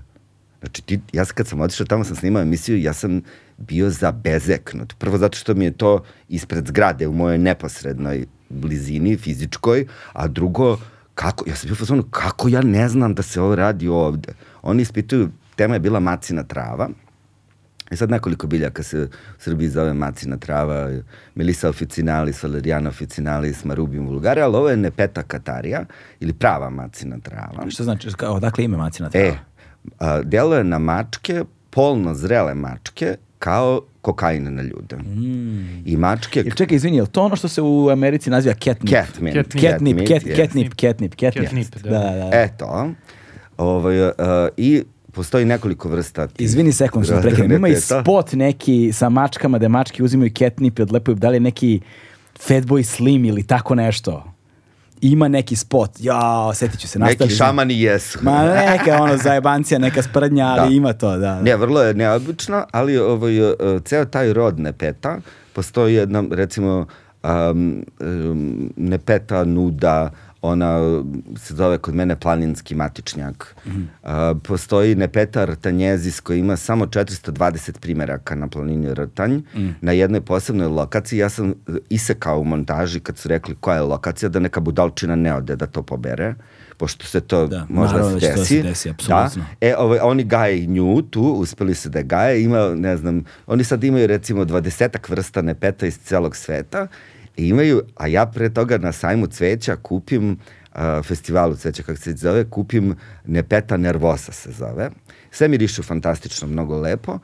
I ovaj, uh, ona je, mi je posebno zanimljiva zato što uh, ona jedina nema te iridoide zbog kojih oni preučavaju uh, sve te biljke, a koji su fantastični biljni pesticidi i insekticidi. Mm. Idealni za organsku proizvodnju, jer je to potpuno bezbedno, lekovita biljka u pitanju, nije nikakav otrova, deluje fantastično. Znači u rangu najkvalitetnijih proizvoda za zaštitu bilja, a ta e, nervosa, nervozna nepeta, ona ne luči te iridoide, a ovi naši naučnici su otkrili genetskom analizom da ona nekada to pravila mm -hmm. i da je prestala i sad je oni čačkaju, bockaju, ne bi li ona ponovo počela da to Aha, proizvodi. Da. Znači, to sad, meni je to zvučalo tako abstraktno i neverovatno, pa onda su se bavili proučavanjem, izolovali su jednu vrstu e, probiotika, um, koga su dobili iz uh, sira iz mješine iz okoline Herceg Novog. Aha. I ovaj, uh, zapravo ta probiotska kultura koja živi samo na mikrobiomu na rukama žena u tom samo području koje to gaje, uh, deluje fantastično na recimo kod insulinske rezistencije. Onda sad jedna farmaceutska kompanija naša je to sintet izdvojila i počinje da pravi lek baš od toga. Znači, neko je analizirao kajmak sa golije i sir mm. uh, iz mješine i odatle izdvojio i to se sve dešava u Beogradu. I nekako mi je stvarno, koristim svaku priliku ovo da pričam, ovde se bre dešavaju neverovatne stvari, ovde hodaju neverovatni ljudi koji znaju mnogo i imaju mogućnosti da pomeraju granice. Da, ali I to je, vidiš, ne to je... daje im se nekako prostor ni pažnja. E, to je ključna stvar. Tu se vraćamo na onu temu koju ja ponavljam, što rećemo, da. pokvarena ploča, jel te? Ovaj, a, kada, sam, kada, sam, kada sam počinjao da radim podcast, a, od ljudi iz struke, ono, kolega, najčešći komentar koji sam dobijao, pored toga da sam budala i da hoću nas 40 godina postanem youtuber, ovaj, a, i osta, od, od, odlazim od dobrog, stabilnog, dobro plaćenog posla ovaj, da bi bio ono jo, ja sam ti, mislim, što, kad ali, smo pričali odmah, rekao samo, čao. ali, ovaj, ali drugi komentar, najčešći koji sam dobio, jeste šta ćeš kad potrošiš sve sagovornike? Mm. Šta ćeš kad potrošiš sve sagovornike? Ja sam bio u fazonu, ali nisu sagovornici jedini ljudi koji su već prisutni u javnom prostoru. Mm. Zato što u javnom prostoru je prisutno i veoma mali broj ljudi i to su ljudi koji već imaju sav prostor koji mi je neophodan u životu, zašto bih ja bio još jedna platforma koja će I koji da... su, brate, rekli već sve što su Ma, imali, znam, su ispričali. Pod uslovom da su imali uopšte šta da kažu. I tačno. A, dru, a druga stvar je ovaj, takođe da princip jedan koji, koji sam primetio da kada ljudi počinju da rade, oni automatski zovu a, već etablirane poznate ljude koji čije ime ono estradno zvučno, mm -hmm. nazovimo to tako, ovaj, da bi zapravo pojačali sopstvenu vidljivost i da bi raslo, raslo ras, da bi njihov sadržaj mogao da raste. Ali ti onda zapravo se ono sakupeš mrvice sa tuđe trpeze, u stvari mm -hmm. to radiš. Ovaj, I ne doprinosiš ni na koji način. Kao, dos, da, desio se još jedan novi sadržaj, ali kao šta je taj sadržaj doneo novo, iako samo umnožavamo jedan tu istu stvar na različite načine. I onda je ideja bila hajde da damo prostor ljudima koji prostora nemaju. Jeste postojao strah da li, to, da li dovoljan broj takvih ljudi postoji. Ali, Aha. Ali, ali dru, s druge strane, pametni bre ljudi neće da se mlate, da idu, da, da, da idu da gostuju negde gde dolaze neke ne razne budalčine. Ne bih ja rekao pametni nužno, rekao bih pristojni. I pristojan, pristojan svet se povukao s interneta, tako to je. prosto tako. Ne kažem pristojni, to je tačno, da. ali kažem i pametni u smislu ljudi koji rade neverovatne stvari i postigli su mnogo u svojoj profesiji, zašto bi se prostituisali, uslovno rečeno. Zato što su obično da već prepoznati na nekim drugim stranama. Tako naš. je. I, nije on... uopšte stala da budu... Mnogi ljudi su zapravo digli ruke od ovog ekosistema mm. ovde. I to da. je ono što je poražavajuće i sada kao sad mi pokušamo da vratimo negde nadu u taj ekosistem, ne da ga rušimo, nego da se negde transformiše. Da. Da se negde stimuliše, da negde kao neke ljude koji nisu bili prepoznati do sada počinju da prepoznaju i da zapravo i da je znanje seksi, ono, znaš, da je o, to da. zapravo strašno zanimljivo, samo što ljudi možda još uvijek ne znaju šta ih sve interesuje. I naravno, sad je, kad kreneš tim putem, imaš promašaja, ali i pogodiš s vremena na vreme. Pa znaš. da, pa ni, ne može ni svakoga interesovati sve. Mislim, to apsolutno, da. da. Samo sego, evo kume. Ovaj, I sa tog aspekta Hvala. to jeste fascinantno što zapravo ti shvataš ono što ti kažeš, ispred nosa ti se nalaze ljudi da. koji su genijalni, a za koje nisi čuo. Ili na primjer, jesi čuo, ali su ti toliko tu ispred nosa da si uzimao zdravo za gotovo to što su da. tu. Trebalo je neko da ti stavi ono, akcenat da. na njih, da bi, kako se to kaže, video drvo od šume ili šumo drveta, nemam pojma. Da bi video šumu od drveta. Šumu od drveta, da, to. Ne vidi šumu od drveta. E, ne pa- vidi, da, ne vidi šumu od drveta, sad si mene. Koja ti je omiljena narodna poslovica? Ja. Nemam pojma sad razmišljam, moram da razmislim. Ja volim onu, uh, pustiš petla na prag, on će na policu. Opa. A, ja ne znam da li je narodno ili je to Duško Radović rekao, gde sirotinja na vrata ulazi i ljubav kroz prozor beži. To je ruska, ja mislim, ruska, narodna poslovica, ako se dobro seća. Ne, uh, ruska je, ali na sličnu temu, um, u tuči um, bogat štiti sebe, a siromašan kaput. wow, da. da to Moja omiljena je um caruje snaga klade valja i imam još jednu, usrano mi je potok daleko. Te su mi ovo, je, ovo prave. Onako... Smešno mi, ali pokušam da razumem zašto mi je smešno. Ono. Pa, da. znaš, svakome je, kad si u velikom problemu, da, da, da, da, da to. rešenje uvek daleko, ma koliko bilo blizu. Ovaj, mm toga. Da, ja, super su mi te, to, time sam se bavio i u ovoj prvoj knjizi kako sam postao putnik i prestao da budem turista, te teško prevodive stvari i da. reči. I to je jako interesantno i kad onda uđeš u to šta ne razli, onda kada sam putovao, onda sam pitao, sad, sad pitam lokalno čoveka kako koja bi to bila, objasnim mu koncepciju, došao sam do najnevrovatnijih ovaj, eh, odgovora. Eh, u Indoneziji imaju reč, sad ja ne mogu da se setim reči na J, ali eh, koja je, e, znači e, vic ili šala koja je toliko glupo ispričan da nužno da se smeješ jer je apsurdno glupo. Aha, aha, aha. Ili Islanđani imaju reč truno koja znači um, vrlo iskren razgovor koji vode dva pijana prijatelja i sutra ujutru se prave da se nije dogodio iako ozbiljno misle to što su rekli. Wow. Sam bio u fazonu, Vrlo. bato, bravo. A sad sam skoro čitao nešto koje su naše. Znaš koje su naše teško prevodive reči? Ja, sada je, bili su neki članci skoro na tu temu. Da, izlazi to Je- sve jer, jer je bilo neko, neću da zovem takmičenje, ali šta je bio neki poziv da ljudi... A ne, to je za najlepšu srpsku reč. Aha, ali, bilo, ali, su tu na, ali tu su bili neki kao teško prevodive, na primer, ne znam, Vukojebina, Buko jebina, da. Začkoljica. Začkoljica. Pazi, Da. začkoljica kako je ovaj, Jeste, da, dobra reč. Dobra reč. zanimljiva, da. Ili imaš neka? A, ima ih Da, nekoliko, mislim, ali da, ove nema- Vukojebina i meni ovaj prva pala na To, pamet. ovaj, druga stvar koju sam primetio na tvom YouTube kanalu, jer to je ono što mi je, što mi je, što mi je jako drago, a, a, jeste što tema, kao što recimo lekovito bilje ili Mhm. ono, svet a, faune uopšte, ovaj, flore, pardon, ovaj, mi, je, mi, je, mi je zanimljiv, uh, zanimljivo mi je to što kao neko ko je potpuni laik, ovaj, i ko nema nešto preterano motivacije generalno u životu, da sad ja posvećujem vreme koje nemam a, saznavanju nečega što, ovaj, što iziskuje određenu vrstu truda, jeste nađeš opet, tu, tu, se vraćamo na uređivanje, nađeš te kuratore, te naš, ono, urednike a, koji se interesuju za takve teme kao što si ti, na primjer, i onda ja tebi verujem, izgradim odnos poverenja Da. prema tebi i onda kad me nešto zanima, proveravam kod tebe. I sve što je novo ili neki novi ljudi, što je ključno za ovo, ovaj, saznajem preko tebe. Ti si mi kao neki prozor, neki portal u, jel te, taj svet. I onda sam počeo da primećujem nešto o čemu ništa nisam znao, pretpostavljajući da zapravo ljudi koji se takvim stvarima bave nema puno.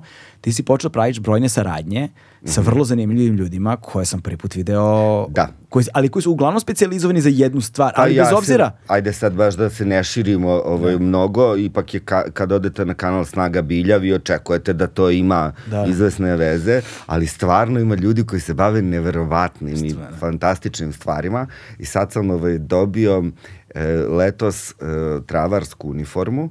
Znaš za to? Ne. Ovaj, bio sam e, kod Marije Kozomore u em, Crvenki e, i ona je devojka koja je studirala modni dizajn e, u Barceloni i bavi se ekoprintom.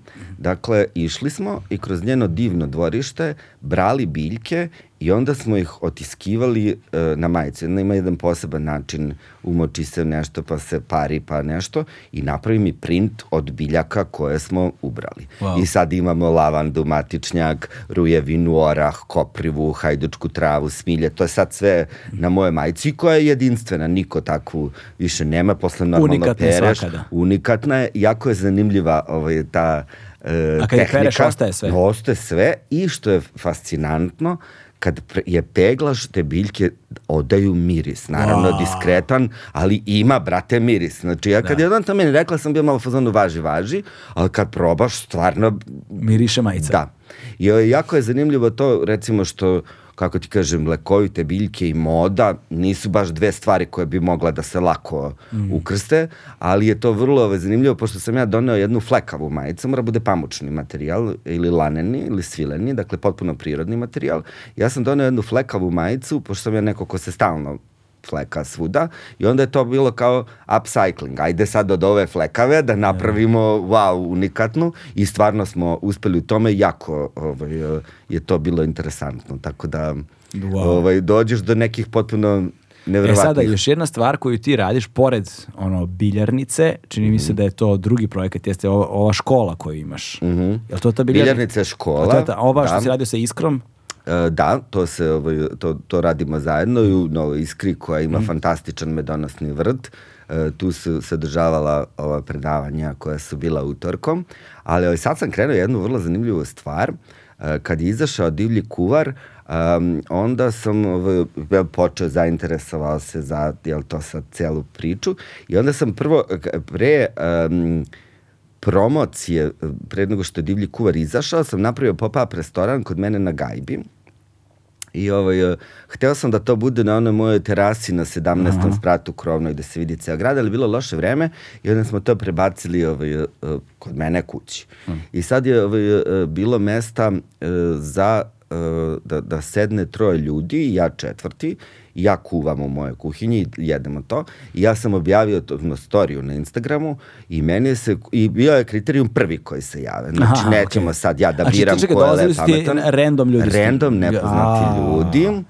A brate, za... to je malo mačka u džaku. Mačka je, u džaku je ozbiljna. Ja sam im samo rekao, samo da znate, bi, to će da se snima to mi je malo bilo kao cool, bit će snimatelj. Okay. Pa kao ako dođe neki ludak da Peđa i ja ovaj, udruženim snagama.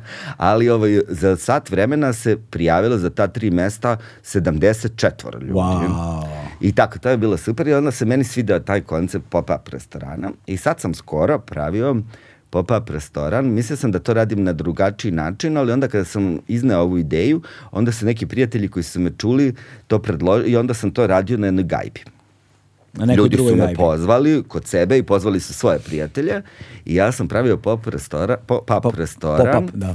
Uh, tvoja vege čukumbaba, to je bila tema. Ok. Da.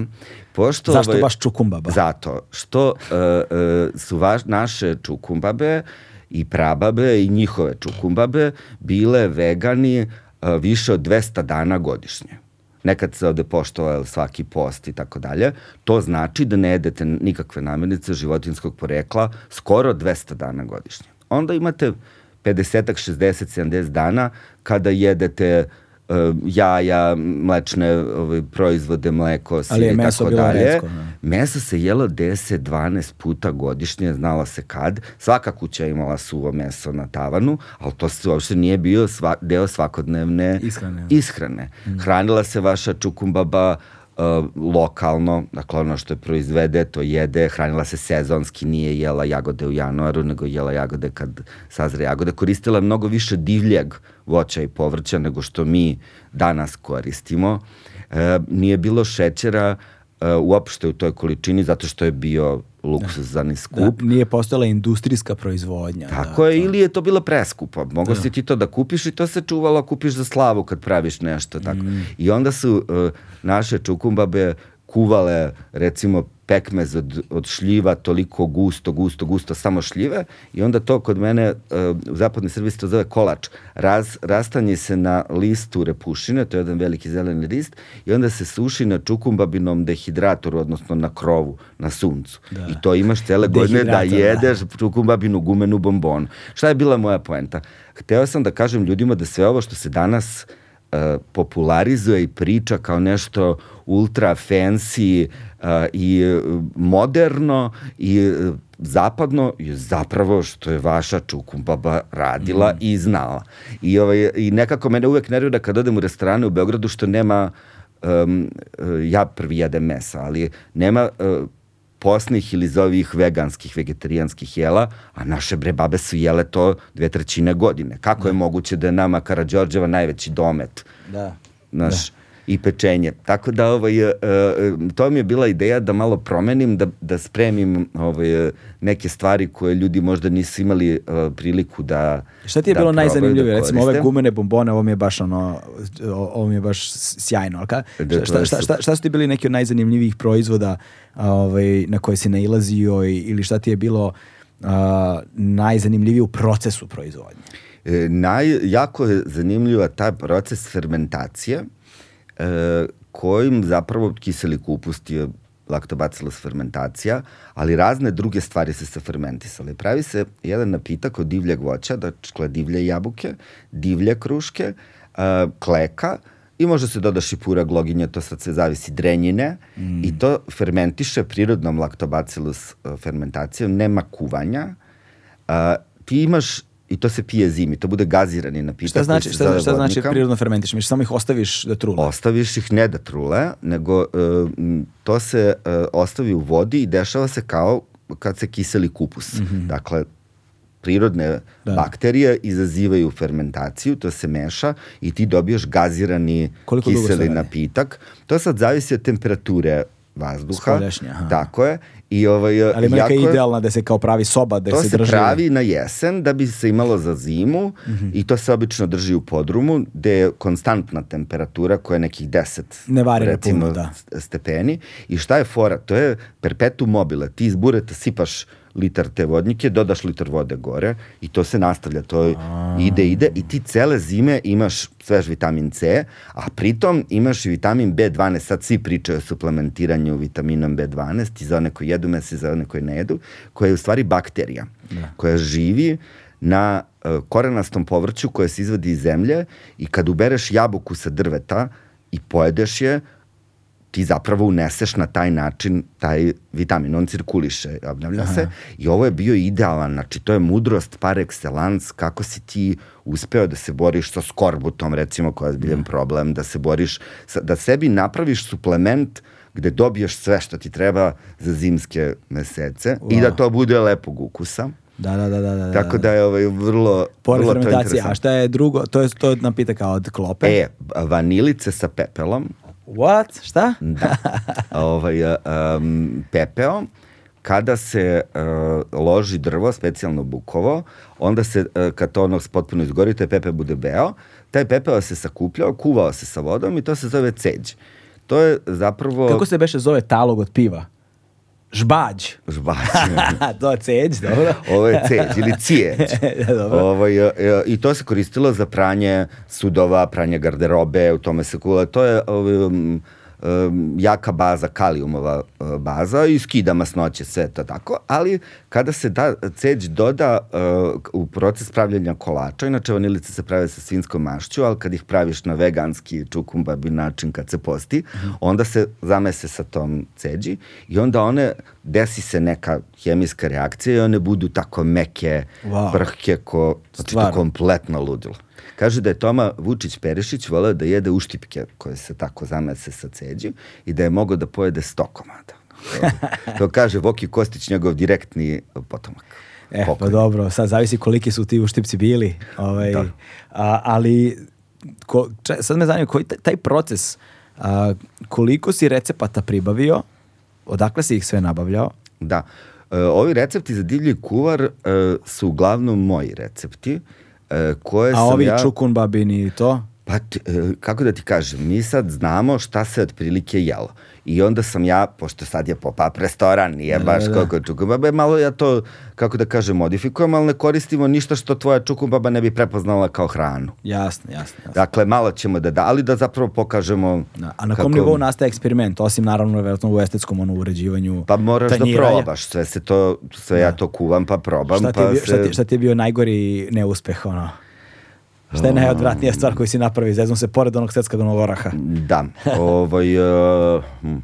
To je sve sigurno, ono, to je, to je sve sigurno uh, postupak ono putem pokušaja i pogrešaka. Pa znaš, da, znaš. ali naš narod je nekad bio jako mudar i bilo je malo hrane, nije bilo mnogo mesta za zajebanciju sad ti da Aha, se da, da, da, da, i eksperimentišeš, nego se zna kako se nešto radi, ali ovaj, e, pa razmišljam šta je, da, napravio sam, htio sam da napravim vatrena sirća, Šta je to?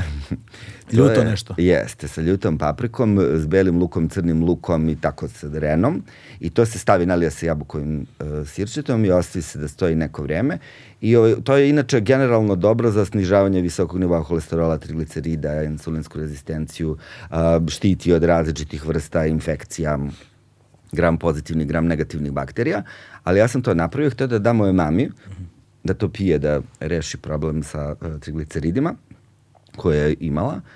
I ona kad je to otvorila, rekla, ovo si teglu sad otvorio i više nikad u životu da se nije desilo u istoj zgradi gde se ja nalazim, pošto je to bio jedan miris belog, je, onako oči da iskoče. Da.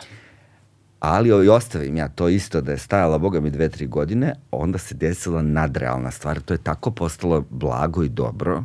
Mm. Ja sam to, toliko mi je bilo žao što ne napravih više tog sirćeta, ali ovaj, e, na, posle stajanjem je postalo potpuno super. Ali je potrebno veliko vre, dugo vreme. Da.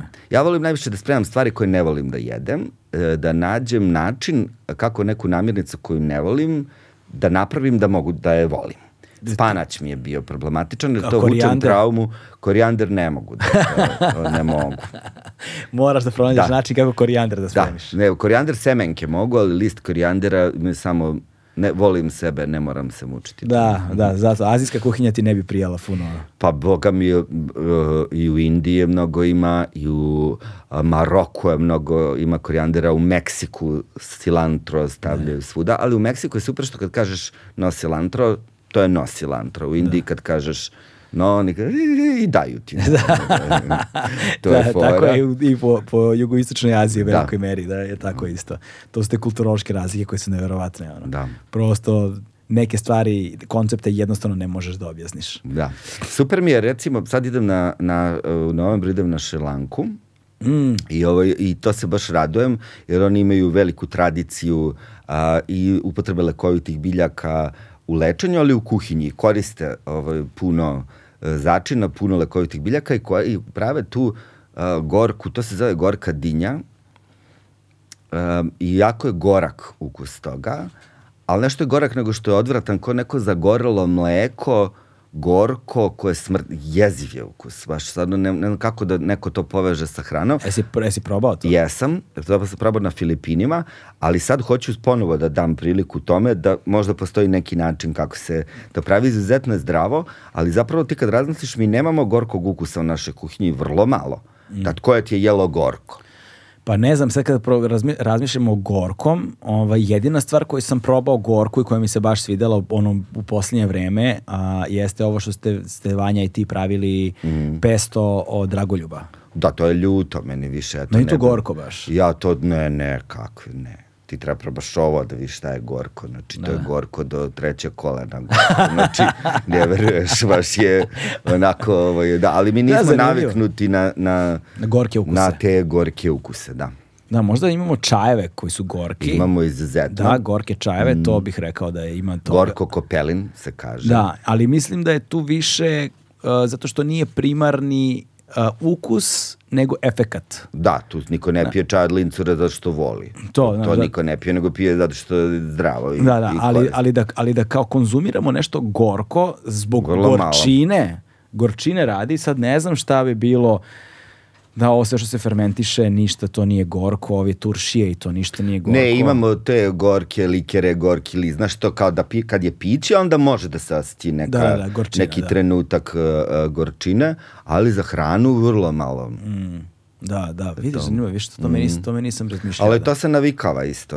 Kao, um, Pa da, to su, Mm. mislim sad evo mi, ono, ja volim da, je, da idem u Vijetnam, ovaj, ali još uvek se nisam usudio da probam veliku većinu onoga što oni tamo jedu ovaj, i Da. piju čak. Znaš, prio sam neke one usoljene uh, usoljeni limun, na primjer, i to budu nek, znaš, to Mhm. Da. vrlo zanimljiv ukus koji kao, ali opet u, u njihovim klimama to ima smisla, I ima, to prave u, i u Africi, to Da. prave Maroku, u Egiptu, ali to, to se nikada ne jedeš taj limun sam, nego to se stavlja u napitke, u jela ili u napitke, ali jedu, uzmu to ono lime, Da. Oni limetu zapravo uzmu i kao na što to bude, ono, ona bude bela koliko je Jest. usoljena, onako sk- skupljena, skroz dehidrirana, onda se stavlja u napitak, ali je tu fora zapravo ne samo što te osvežuje, nego i ono, da li su to dobro sad za Elektrolite, i tako dalje. sigurno, I pa to da. kod njih vrlo ima smisla, a uspeli su da naprave neki napitak koji je ovaj koji je koji je pristojnog ukusa čak Da. i za nas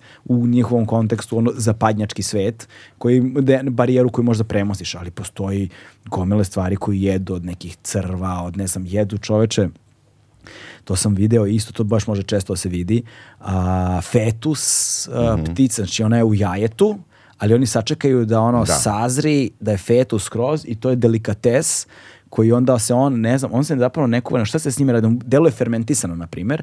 I onda se drži u tegli Tako nešto dve, tri godine u I nekom presalcu, vadi, znam. ti to da. uzme, i on se to jede i fora je ono da je zapravo, zapravo da je kvalitet ono što, da, da tačno nađeš granicu da osjetiš kada zagrizeš da krckaju kosti, Mhm. ono, ali da bude to jestivo. Ne, tako nešto, znaš, potpuno, ono, ja sam samo video ljude koji to jedu, ali ono, ne, znaš, prosto postoji neka psihološka Pa da je barijera ovde koja kod meni... nas u Hercegovini i Crnoj Gori se jelo recimo nerođeno jagnje. To je samo što se ne rodi pa se to peklo, postoji to i ovde ta vrsta. Wow, tako. to pojma. Pa to je sad samo to do, prase, dojenče i to tako, da, znaš, te male, to prosto ima i ovaj i, i Da, nije da nema linka, nije da nema, nije, da, Da, da, je da. potpuno nepovezano, da. da. ali ono šta je sve čovjek jeo i šta sve čovjek nastavlja da jede, to su nevjerovatne stvari. Da. E tu sam ono, tu je ono gde sam ja skapirao da ja nisam gurman. Znaš, kao kad Da. definišeš pravo gurmana, da ipak imam neke konvencije koji se držim i umem da zalutam ovamo i onamo ili da se usudim nešto da probam, ali da sam spreman da baš ono potpuno otvoreno probam bilo šta. Ali to nije gurman. Gurman je neko ko uživa u hrani, sad niko ne uživa u svakoj hrani. Da. To je više neko ko je spreman da eksperimentiše. Ja imam problem više sa teksturama nego sa ukusima. Da, da, da, I onda da. to te, tako ljigave stvarčice su mi onako. Da, da, jasno, ali pop- opet da, tekstura je vrlo često ovaj, prepreka, jer ja ne znam koliko toga mi, na primjer, ljigavog imamo, pa sad ljigavog, po znacima navoda, osim ono pihtija, ne znam šta mi sve Da. još imamo što se služi, e, evo Mare, rakica da se troši. Pa da. Sa tradicijom dugom skoro tri decenije, Legend Worldwide je prepoznatljiv domaći brend sa akcentom na jeans, pre svega, koji odlikuju bezvremenski, klasični modeli. E, ali stvarno, rakija od šljive, mislim da je naša najbolja. Jeste, ja. Pa Bez- mislim, i mom, po mom ukusu. Da, da, da, da. Ovaj, I generalno rakija, ono, pra, proizvodi se u toliko zemalja sveta iz probao sam najrazličitije, ali valjda zato što smo rođeni i odrasli na ovom podneblju, šljiva mi je ono, bez premca. Da, ovaj, ja sam imao prob, uh, priliku da probam rakiju od kleke i sad imaš klekovaču, to je dakle rakija koja se pravi od šljive, pa se onda u drugoj, drugom procesu destilacije ili u prepeku, što bi naš narod rekao, dodaje kleka. Ali probao sam rakiju koja se pravi samo od kleke, znači nema drugog voća, to je fantastičnog ukusa. Jako je dobro i nema uopšte taj džin moment, pošto je kleka glavni sastojak koji daje ukus džinu, nema taj moment, nego dobije neki jako lep, vrlo ovaj, neobičan E sad da se vratimo na Čukun babinu kuhinju. Ovaj se tako zove Čukun babina, Da, Čukun ova babinu vege kuhinju. Baba. Vege, vege Čukun baba, da. Ovaj dakle dobio si stan u kojem si organizovao. Ne, pozvali su me ljudi kući i oni imaju jedan divan sto gde može sedne 12 ljudi, veliku kuhinju koja je, ja, znači ja dok sam kuvao sve vreme su ti ljudi gledali to, na, oko nije imaju veliko ostrvo. Jako je bilo ovaj, e, interesantno i, i, i zanimljivo. I ovaj, negde mi se to pokazalo, kao, ja nisam profesionalni kuvar, niti imam tendenciju da uzimam posao, da se ti, ali je jako mi interesantno, to sam zapravo i pristao, e, da ljudi, da samo malo raširimo e, znanje o nečemu što je, kako da kažem, nekako malo poznato, ali je vrlo logično. Da prosto može hrana da bude izuzetno ukusna i da bude tradicionalna, jer mi smo pravili tradicionalne stvari, znaš. Da, da, da. da. Tako E, da- Ali sa, šta je sad, tu me, ja sam, ja pre ne znam koliko godina sam saznao za jedan fenomen u Beogradu za koji nisam znao da postoji uopšte, a to su da postoje ti restorani stanovi. Mhm.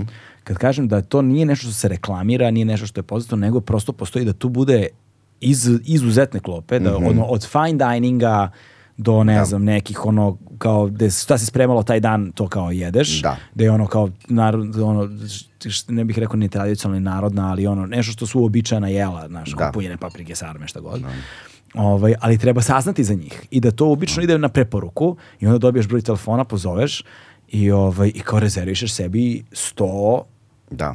U nečijoj gajbi gde ljudi žive. I onda odladiš ono, zvoniš na interfon, sprac, ulaziš u stan, O jeste, sedeš bio klop- sam ovaj, na dve takve i, ovaj, uh, i obično što mi se posebno dopada imaju community table, nema stolovi, Mm. nego si ti sad tu došao i sedećeš sa drugim ljudima koji su isto Koji došli ljudi, tu I, ovaj, i to ima onako, mi nismo navikli mi na to, ali zapravo je super, čim ste vi došli da vas je privukla ta ideja i koncepcija, vi niste došli tu da se pokazujete da ste ne znam gde, da. nego da probate to sigurno ćeš od tih de- 10-12 ljudi koji mogu tu da sednu troje upoznati koji su ti super iz nekog razloga. Tako da I i taj, taj segment je super.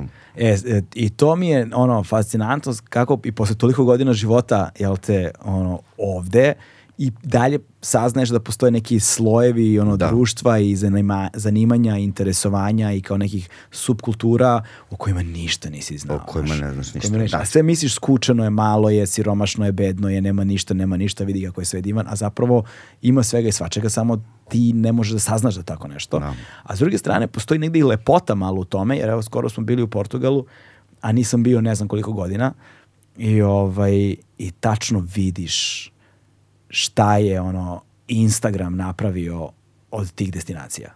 Znaš, znači to bukvalno više ne može se uživa na primjer u Lisabonu, ne može se uživa više u gradu jer je postao takva meta ono brutalnog turizma da stvarno moraš i poskupe užasno naravno prirodna stvar, pri- prirodni proces tih, tih stvari jeste i primetio sam takođe da ono otok u životu kao mogu da priuštim sebi da ovaj malo, malo više putujem naravno to iskorišćavam i počeo sam da primećujem da me gradovi sve manje impresioniraju i sve manje zanimaju.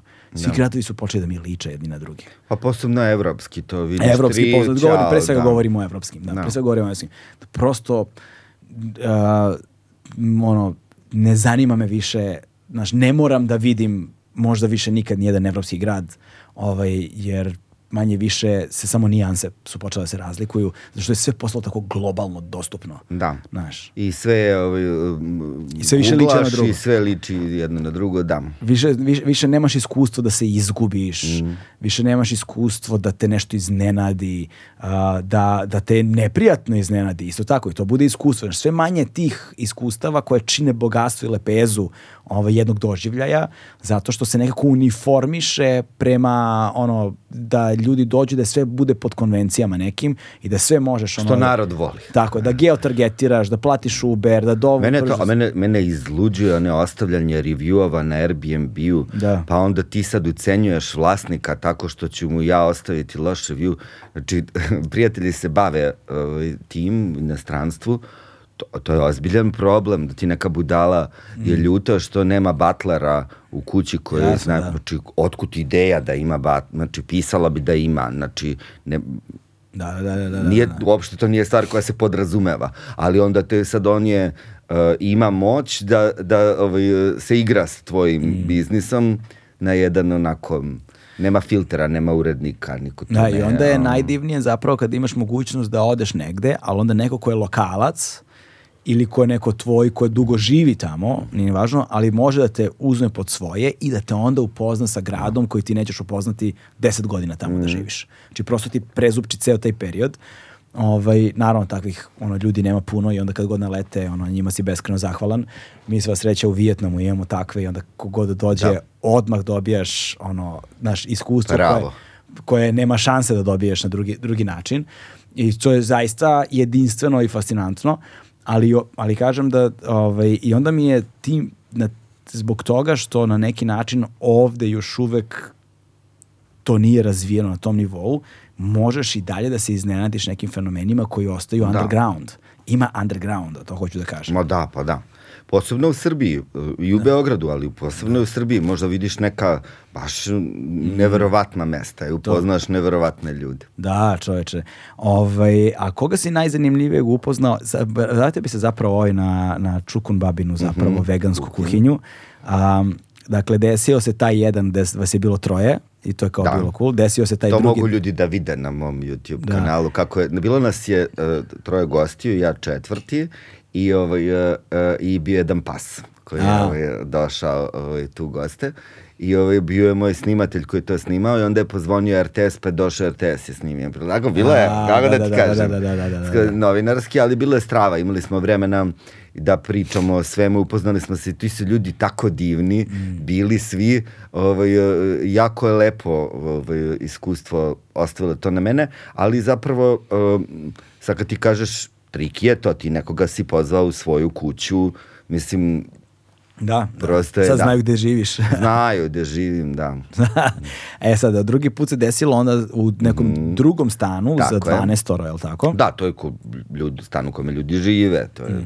kako proceniš da spremiš Gajbom. tačno za 12 ljudi? Ono? E, a, pa juče sam kuvao za 24 ljudi. Ovo na kosmeju. Da, ovaj, um, dobro procenim i to sam se izvežbao na letovanjima kod moje drugarice Maše Vučković, ona ima divnu kuću, se gradio njen deda u Cavtatu. Deda je bio inače ovaj, dekan arhitektonskog fakulteta i dok još je moglo, on je kupio 50. godina recimo, baš na šetalištu u Cavtatu Wow. kuću i sad, pošto on čovek arhitekta, napravio kamenu morsku kuću. Ništa to nije neka, to je trosobna kuća, ali ima dvorišta, kaskadna, ima svoj mol, tako, to je nad, nadrealno. Prosto ta, to, kad dođeš tu na letovanje, više ti je sve drugačije. To je jedrenje, Svako drugo letovanje nikad ne ideš na da. plažu, razumeš? Ja sad kuvam u ogromnom napolju, u, u šerpi tri jela i onda kažem ti, Galebo, ti samo promeša ovo i odem bućnem se u mor. Znaš, potpuno je drugi vibe i onda je uvek tu, pošto ona ovaj, voli ljude, onda uvek su bile 10, 12, 13 i onda samo dodajemo po još malo, po još malo, po još malo, ali ovaj, onda naučiš da proceniš mm. uh, koliko hrane, uvek napravimo malko više, ali ne mnogo više, jer ja ne volim bacanje hrane, ne volim ni to da neko ostane gladan da bude mikro, ali ne volim ni da se spremaju te neke Da, abnormalne količine, nije mi to, samo mi to prosto ovaj, uh, Da. uh, nije cool, ali... I jel planiraš onda da nastaviš taj koncept ono sa, sa, sa, kuhi, sa bakenom kuhinjom? Da, da... biće, uh, taj koncept će biti malo drugačiji, uh, jer ovaj, um, bit će sigurno neki pop-up restoran, ali sad će na nekom nevjerovatnom mestu. Mora bude nešto neko ludilo, ali ovaj, uh, hoću da taj koncept pretočim u neku vrstu škole, kursa i da ljudima pokažem kako da ovaj, koriste divlje biljke, kako da koriste sezonske biljke, kako da neke stare stvari ovaj, uh, mogu da vrate. Imamo ovaj, takve ideje, pa ćemo da se ovaj, bavimo tim. Ja sam ne provalio ovaj, fa, stvar kojom sam trenutno fasciniran najviše jeste ovaj, a, tastov paradajz. Pa, ne, stvarno, znači, čovjek od kako je otišao u penziju, počeli su da ono, imaju zemlju, jel te, i počeli su da proizvode svašta, jel te, povrće, Da. voće, svašta nešto. Ovaj, I sada oni posebno nalaze, jel te, na sad ja sad ceo to ne razumem, da li semenke ili šta god, pa onda Seme. seme, pa onda proizvode ove, proizvode, proizvode one, pa onda ima, ne znam, 15, ja nisam znao, bre, čuđe koliko vrsta paradajza samo može se napraviti. da. To je nenormalan broj, ono. Da, da. Žuti paradajz, crni paradajz, ne znam, volovsko srce, ovaj, onaj, svakakvi neki. I mi sada jedemo u posljednje vreme paradajz koji je tako ukusan, Da. ja, na- znaš, prosto ne, nemoguće je ukusan. Znaš, pro, Da. ne možeš da veruješ koliko je povrće, voće, ono, izgubilo Da. na, na, na, na, na, ono, na sočnosti, na, na ukusu, na mirisu, na, do te mere da ako uspeš da dođeš do ono, naš, nekog takvog paradajza, na primjer, u ovom konkretnom slučaju paradajz, ovaj, jednostavno ostaneš zatečen. Ba da. Ostaneš zatečen. bukvalno- Odvikli smo se, a? Toliko smo se odvikli da ja sad kad pričam imam utisak da ono 90% ljudi koji slušaju misle da preterujem, da lupam gluposti, ma da im zvuči smešno, ne znam kako. Jedan zalogaj bi kako. promenio svaku sumnju. Jel ti znaš kad je ovaj, kum mog brata, ovaj, Budimir, eh, on je iz, iz Čačka i došao je sad kod svog nekog druga i kod tog druga je bio u gostima šveđanin neki. I ovaj, reci, zvaćemo ga Lars.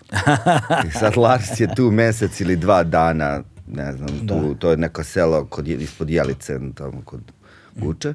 I sad treba, Lars treba da ide kući sad. I, ovaj, i dolazi sad, oni dolaze, kao pitaju babu, pošto to dešava u seoskom domaćinstvu, baba de Lars, kaže, eno ga u šljeviku, kaže, šta radi? Kaže, plače. kaže, što plače? Kaže, plače, dečko, ne znam šta. Oni odu tamo, Lars se skinuo do pojasa go, sedi, pije rakiju, jede paradajz iz gajbe. Da, da, da. Ovako ko jabuku. I kaže, ovo je toliko lepo. Bukvalno je, malo izgleda da se slaže lepo uz rakicu. Da, da, da, mislim, Ali rakija je tu ovaj- doprinela sigurno. Da, ali, je, ali je ovaj, e, stvarno razumem da ti ono, jedeš baš pravo povrće koje ima, ima fantastičan, e, fantastičan ukus. Ja sad sad... Ja ne znam tokom- šta se desilo u stvari. Mi uopšte mi to, to ne mogu da ja ću razumem. ti kažem šta se desilo. E, Zavladala su semena koja su napravljena da se gubi ukus e, povrća, a dobija se na nekim drugim karakteristikama, na tome da može da ostane čvrst dva meseca, da dozreva u drugačijim uslovima, da može da se transportuje, da je istog oblika, Da. pa malo je si primetio sad ovi što kupuješ u, u velikim lancima marketa da su malo ko četvrtasti, nisu okrugli, nego Nisam onako, provalio. Mislim, vrati, ja, mi, to je mi, da mislim, stane u gajbu. Mislim, znaš, iskreno mi već neko vreme ne kupujemo povrće uopšte, jer sve nabavljamo ono, Nema znaš, nepravil, to se, znaš, ide po veličinama i to su neke stvari koje su, koje je tržište zapravo diktiralo da bi trgovcima Mislim, bilo realno kad lakše. pogledaš, ako bi sad otvorio kesu, evo, juče smo došli i, i, iz Milanovca, imamo punu kesu i paprika i paradajza i krastavaca i sve kese, jel te? I grožđe sad, evo, Mm. i svašta nešto, sazreva. Dakle, a, znaš, ti kad pogledaš, kad otvoriš punu kesu paradajza, za koji, koji god da se uhvatiš je paradajz koji u prodavnici ne bi kupio. Ne, pa da. Znači, tako izgleda. Znači, svi da. su ono po znacima navoda oštećeni, po znacima navoda deformisani, po znacima navoda svašta nešto. Svi Da. do jednog. Ni jedan ne Ali s druge strane, nekoliko ljudi je išlo na biljarnicu koje se bave organskom proizvodnjom povrća i voća i ovaj, i, i Pavle i Dragica Ostojić mi šalju, vrlo često mi donesu to povrće. Ono uopšte ne mora da izgleda ružno, može da izgleda jako lepo. Uopšte to nije... Možda ne znam od čega to zavisi. Ne mora da znači, nego prosto ti ga bereš, pa ga ima, pa ga... Po, Da. druga, I zavisi od sorte, vrlo, Da, da, da, ovaj, da, da. svega toga, ali jako je interesantno, postoji banka semena kod nas, uh, koja u Mionici, koja funkcioniše na osnovu entuzijazma dvoje ljudi, to su otac i čerka, Ivana Petrović i njen tata, koji su naučnici, biolozi, oni e, sakupljaju stare sorte e, semena, bave se specijalno pšenicama, ali i svim drugim sortama i čuvaju to za dalja pokoljenja. Mislim, baš onako pra, rade Wow, kako, šta, šta, šta je meni patriotizam, to mi je Da, da, da. patriotizam u pravom smislu i bave se vrlo ovaj, interesantnim stvarima. E, tako da ovaj, negde postoje ljudi koji čuvaju. Da, da. Čekaj, šta, njihovo seme može da se kupi? E, e, o, e, mislim da ne oni ga čuvaju, ali organizuju s vremena na vreme, oni imaju svoju mrežu ljudi, pa dođite danas nađemo na Kalemegdanu i menjamo semena. Ja sa tebi dam ovo, tako funkcioniše razmeni i tako. Sada možda može i da se kupi, Verovatno. ali ovaj, više to funkcioniše da proizvođači međusobno... Ovaj, Da, super je bilo da ljude koji recimo sad slušaju i koje zanima, na primjer, da. Da. nabave, da probaju da uzgoje sami i znaju Da. gde mogu da ih kontaktiraju i kako mogu da ih Da. nađu. Na primjer, takve ljude. Banka semena u Mionici, Ivana Petrović, pronađite na društvenim mrežama, možemo da posle da googlamo kako se to Mm. tačno zove, ali kod njih planiram da ih posetim, da, ovaj, e, e, da, da e, pričamo Da, kako su iskustva sa medom? E, to je jedna vrlo ovaj, zanimljiva i, i interesantna tema. Sad sam bio nedavno na vrcanju meda na ušću. A, to je su Beogradsko udruženje pčelara, ili kako se zove? Jeste, sta, pozdravio te ovaj, E, Ranko. Ra, Stanko. Stanko, Stanko, Stanko Rajić. da. Ovaj, kaže, Ranko, što je Ranko. Stanko. Samo sam permutovao ime i prezime. Da. Ovaj, Stanko. e, Stanko, e, kaže mi tvoj gost, da bio, kaže on, ovaj, ja kad me on zvao, ja sam mislio, šta ću ja pčelar tu da pričam, koga to zanima? Kad ja vidim kao 30.000, 50.000, pre... vidim da je njemu mnogo imponovalo što ljude interesuje to što on ima da priča. A to je ono što smo pričali malo pre, izvim što te prekidam. Znaš, ti, ja ne znam šta me zanima. Pa da, Znaš, dovedem da. čoveka pa saznam da li me zanima. Da, Znaš. oni, bili smo tu na vrcanju meda, to je dakle, prvo to je jedno mnogo lepo mesto koje se nalazi iza tržnog centra Ušće, imaš dve one kule na Ušću i oni su posejali divlji vrt. To znači, oni simuliraju prirodu i ne kosi se i ima mnogo medonosnih biljaka, imaju tri košnice tu. I, ovaj, I onda smo bili to kad se taj med cedio, pa smo ga probali tako. I on mi kaže da recimo oni ga konstantno uh, testiraju, A, isti takav medonosan vrt, vrlo sličan, postoji u Silasima dole na Beogradu, oni imaju i više košnica. Da, upoznao sam ovog Davida i... Davida i Darija, Tako jeste. je, da. Med, med. Ovaj, uh, oni prave, dakle, u gradski, ovo je na Dorčolu, ovo je na Ušću, prave gradski med koji je fantastičnog kvaliteta. I ja sam uvek bio, to je prvo pitanje koje bi meni se nametnulo, jel to bre zagađeno? Mi pričamo o ovim PM česticama, o olovu, kadmijumu, jel to, kaže on, verujte mi, a istraživali smo, uopšte ga nema, pčele na neki čudan način uspeju da ga neutrališu i da ga nema.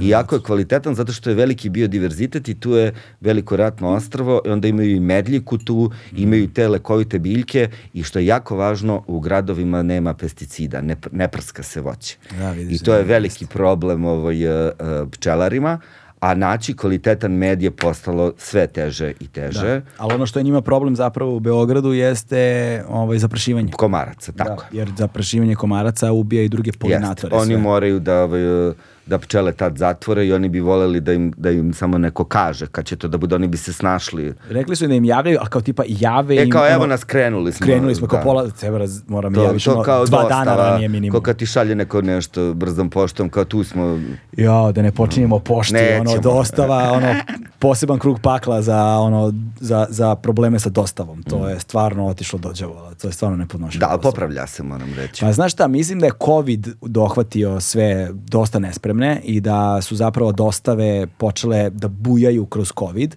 Jedna stvar koja mi neko mi je rekao, ljudi koji se bave ovim biznisima Mhm. i to, stvari koje mene, ja se trudim da me to zanima, ali to Malo i me... prezireš, boga mi. to ko mene zanima, ono razvijanje biznisa, znaš. Ali ovaj, a, su mi rekli da je recimo ogroman procenat ljudi kod nas je postojao dugo taj skepticizam prema plaćanju karticama online posebno, znaš. Ovaj, I da je zapravo ogroman procenat ljudi prešao na online plaćanje karticama tokom covida, lockdowna i tako dalje, da je taj biznis eksplodirao i samim tim su eksplodirale ono i te dostavni biznisi, na primjer očigledni su potpuno, evo Volt je nama sponsor i tako dalje, znači poput Volta ono sa dostavama koje su, ko- sa hrane koje su potpuno eksplodirale, ali s druge strane i to poručivanje stvari online i negde onda su ljudi počeli da saznaju i da online mogu da poruče nešto što nije dostupno ovde Mhm. ovaj, i da je to eksplodiralo i mislim da je to i napravilo veliki pritisak takođe Da, na nisu bili to. spremni infrastrukturno. Infrastruktura nije bila spremna za to, znači kažeš popravlja se, nisam dugo poručivao ništa pa nemam pojma. Da, popravlja se, jer ovaj, um, s- mene su zvali par puta iz pošte da pitaju, dobar dan, vama je isporučena pošiljka, da li vam je došao na vrata? Da, da, Pošto da. to se nije radilo nekad, nego ti sad sve ostaviš. Jednom, je, jedan sam došao u iskušenje da kažem, ja sam nepokretan. Da, da, da. Znaš, ono, mislim, sad to, ali kako si ti odlučio da ti meni treba da to dostaviš, kako si odlučio da ja treba da siđem negde, možda imam malu bebu Da, kod da, kuće da, koju da. ne mogu da ostavim, ili kuvam pasulj, naš, na, naš, god, to da. nije moj posao, ali ja nemam gde da se parkiram, pa ne znam, onda radi u arhivu, tamo se, se, parkiraš se pa sediš 8 sati. I parking jeste prostor... pro- Ogroman je da. problem, ništa nije jednostavno Da, da, da, da. i ovaj, treba imati razumevanja i Da. za, za sve strane, ali mislim da, da se popravlja. Da, dobro, dobro, dobro, nadam se da se... Da, Ja sam tebe hteo da nešto da pitam. Slušam. Koliko, sad je ovo dve- 200 ti podcast. Da li e, ima neko koga bi baš želeo u podcastu, a, a nije bio? A, pa ima nekih ljudi Mhm. ovaj, koje bih baš želeo, a koji nisu bili, ali ta imena mogu ti To kažem posle. Ne, ne, ne, nemoj ni slučajno, Da, ima, da. imaju, ima nekoliko imena ovaj, sa kojima sam u fazonu, ovi ljudi ako dođu, ovaj, mogu da stavim ključ u bravu. Znaš, Mhm. to, je, to, je jed, to je jedna stvar. A sa tim ljudima, a, ono što sam negde iz iskustva naučio, nije najveći problem doći do njih. I nije najveći problem naterati gde pristanu. Nego da pričaju, bre, da... Ne, nije ni to, nije to. Problem je u tome a, treba da žele da dođu.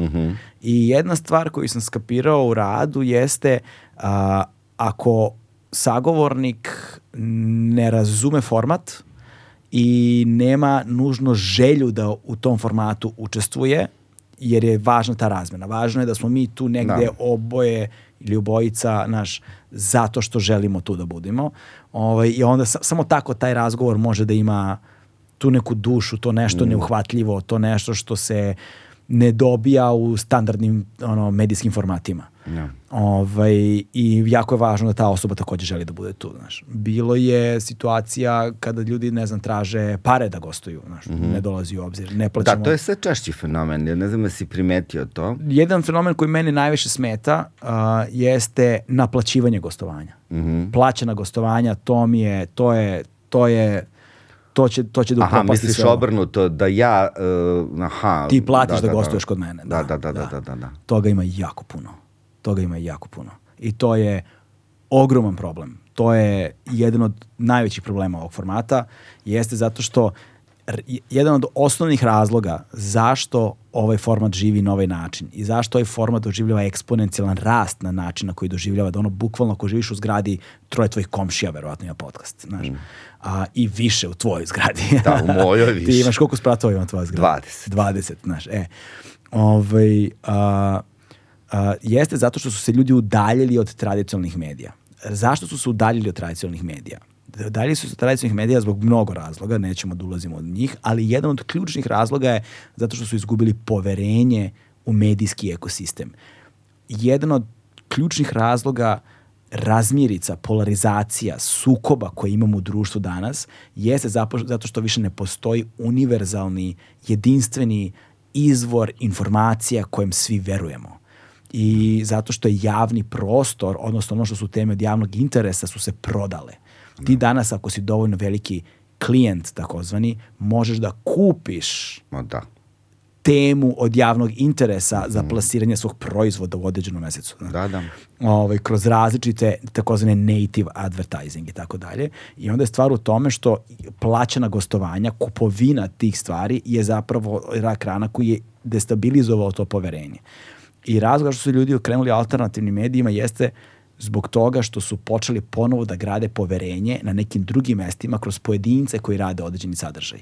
I onog trenutka kada ti pojedinci počnu polako u svoj sadržaj da s vremena na vreme mešaju plaćeni sadržaj, a bez da je to jasno naglašeno, Tako je. Ne, ne, pazi, mi živimo od ovog posla i ti Tako i ja. da. I živimo od ljudi koji uh, si pomenuo i Da, da. koje direktno učestvuju. Ali to lepo kažemo. Tako. To je, znači, naš sponsor da bi ovo bilo. Tako je. To je Znači, sad druga svako, stvar. svako sponzorstvo koje imam, znači legitimno je da ti imaš sponzorstvo, jer ti treba da zarađuješ i živiš od nečega što ljudi dobiju besplatno da gledaju. Tako je, pa da. Svakako je to okej, to je sasvim u redu, to je po- legitiman poslovni model, ali samo budi iskren i otvoren Tako je. prema tome da je to plaćeno. Reci jasno, Pa da, pa da. današnji gost nam je bla bla bla, platio je da bude tu. Pa Super, okej, plaćeno gostovanje, sponzorsko gostovanje, nazovi ga kako hoćeš, ali jasno reci, a ne samo da bude zato Da. što je ne znam šta i kao, znaš, to, ono, a, kupljene teme, kupljena gostovanja, to su stvari koje mi najviše smetaju.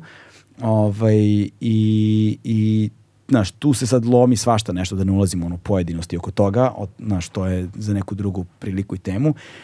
I važno je isto tako, ja, kao što si rekao malo prije, ja ne znam šta me zanima. Ja vrlo često saznam šta me da. zanima tako što dođe gost i počne da priča i ja budem fasciniran isto Pa tako. i sasvim je u redu da gledam, to se meni dešava, gledam tvoj podcast i na pola me ne interesuje me više tema. Prosto, je, da. ne, ne, sve to super, nego mi nije mi to nešto Jasno. moje. A nekad nešto što bi pomislio da me uopšte neće Mm. intrigirati ni najmanje me zainteresuje, pa, pa Nažalost, ga na, nažalost, to često zavisi od samog sagovornika.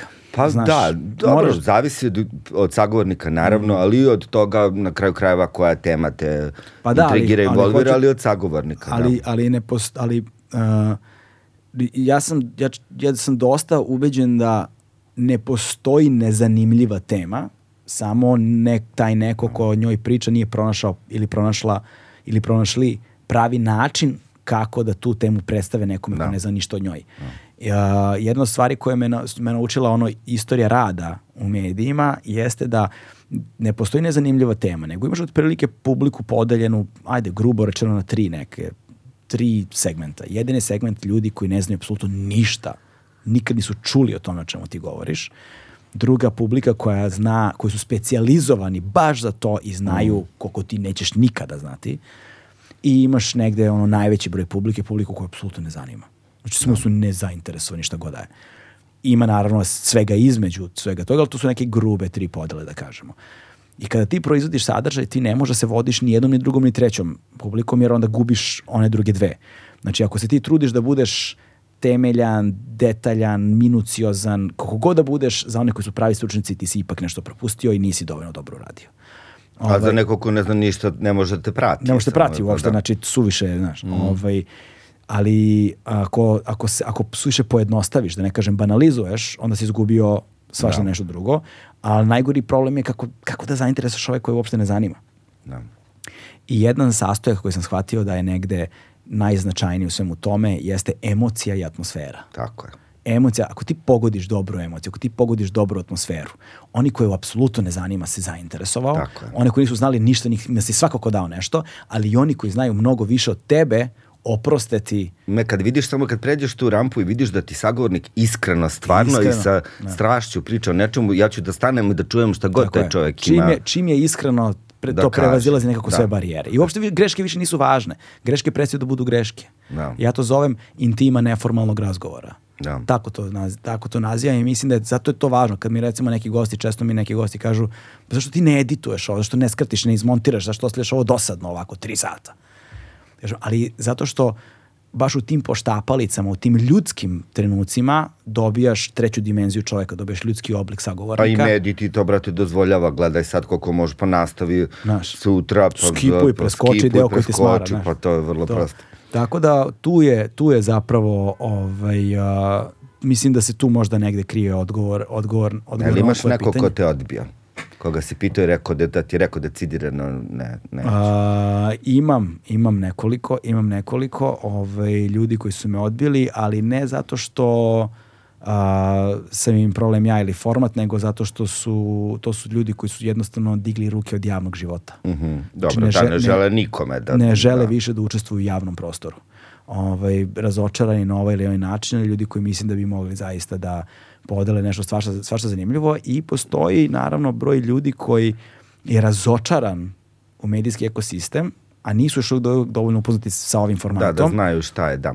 I onda ima i ti kojima je potrebno vreme da skapiraju da ti nisi neki mentol Da. koji će sada da ono pravi senzacionalistički, tračerski ili šta god i onda kad skapiraju da tebe zapravo zanima to što ono, čime se oni bave, da te ne zanima ono, da li su ovakvi ili onakvi, a onda vremenom skapiraju da si okej u fazonu su, e, zapravo ti nisi okej, ti nisi loš ono momak ili šta god kao Da.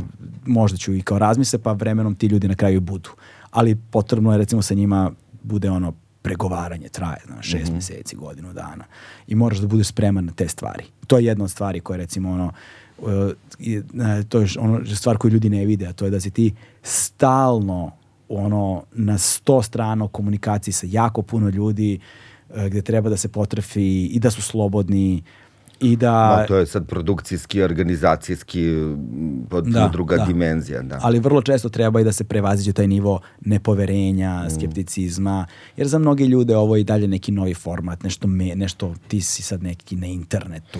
Za mnogi ljude, ono, čim kažeš internet mediji, ti već nisi legitiman, ti si već neki tamo, Da. znaš, šta je to nešto na YouTube-u, neka budalaština, znaš, i dalje postoji jako veliki broj tih vrsta predrasuda. Ne smatra se legitimnim formatom ono medijskim, novinarskim, kako god biti prisutan na taj Da. način, ako nisi ono u štampi, u printu, Ima na televiziji. stigmu, da, a to je kad moja mama kaže, pa pročitala sam u novinama, a sad posebno nešto što Mm. se tiče jel, ovog čime se bavim.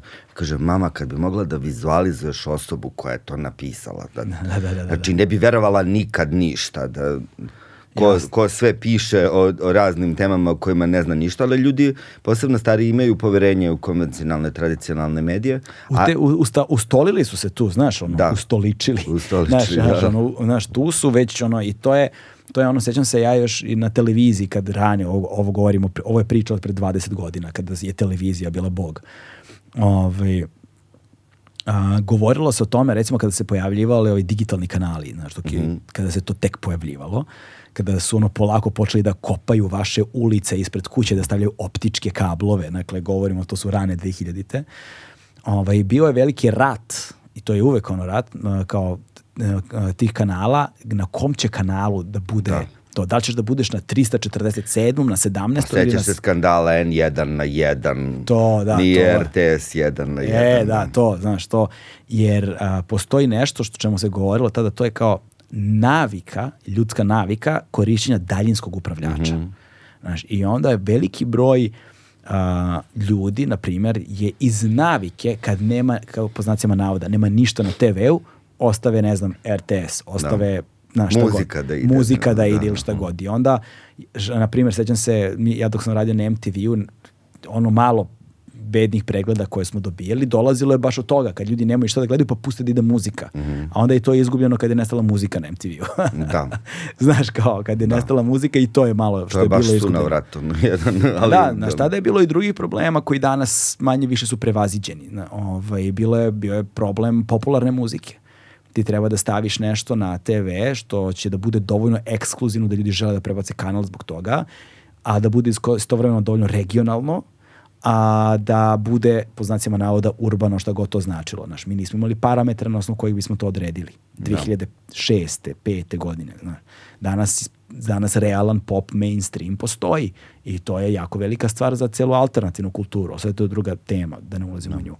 I onda, ovaj, znaš, to kao, e sad, ta navika se jako teško menja. Znači, ti ako si naviko da ono promeniš kanal i da ostaviš na tom kanalu, znaš šta mora da se desi da tu naviku tvoju, ono, ja promenim. Znaš, Ja sam imao problem, recimo, e, to mi je baš bilo problematično. Nekoliko puta su me zvali e, ljudi iz vrtića koji su entuzijasti, stvarno Aha. vaspitačice i tako dalje, koji e, su želeli da ja deci koje idu u vrtić održim neku vrstu praktične nastave, da im sad odem, pokažem im biljke, mi se sa tim bavimo, ali oni bi voleli da vide kako Jasno, se biljka da. sadi, kako se uh, gaji, za šta se koristi i tako dalje. Ja sam imao priliku jednom da to takvu vrstu ovaj, uh, m, radionice, edukacije obavim u selu Vrbica, gde me zvala ovaj, uh, uh, mama moje drugarice Jelena Senka i to je bilo fascinantno iskustvo. Prvo, nikad mi veća frka nije bila u životu, jer kako pričaš ti deci od tri godine i četiri lekovite biljke. Da li oni im je poznat koncept zdravlja? Da, da, da, Le, da. Znaš, sve to tako, nikad nisam pričao tako s malom decom. I to je bilo mnogo smešno. Dolazimo mi tu, oni doručkuju, kao momčilo ćeš sedneš nama da doručkuješ, i ja sedam, umesto ličica, ne, žrtvića, Da, da, da. a neka mala sedi ovako pred mene, jedu burek sa sirom. I ne gleda me, jede burek. Kaže, mora sve da se pojede iz tanjira. kao to su pravila.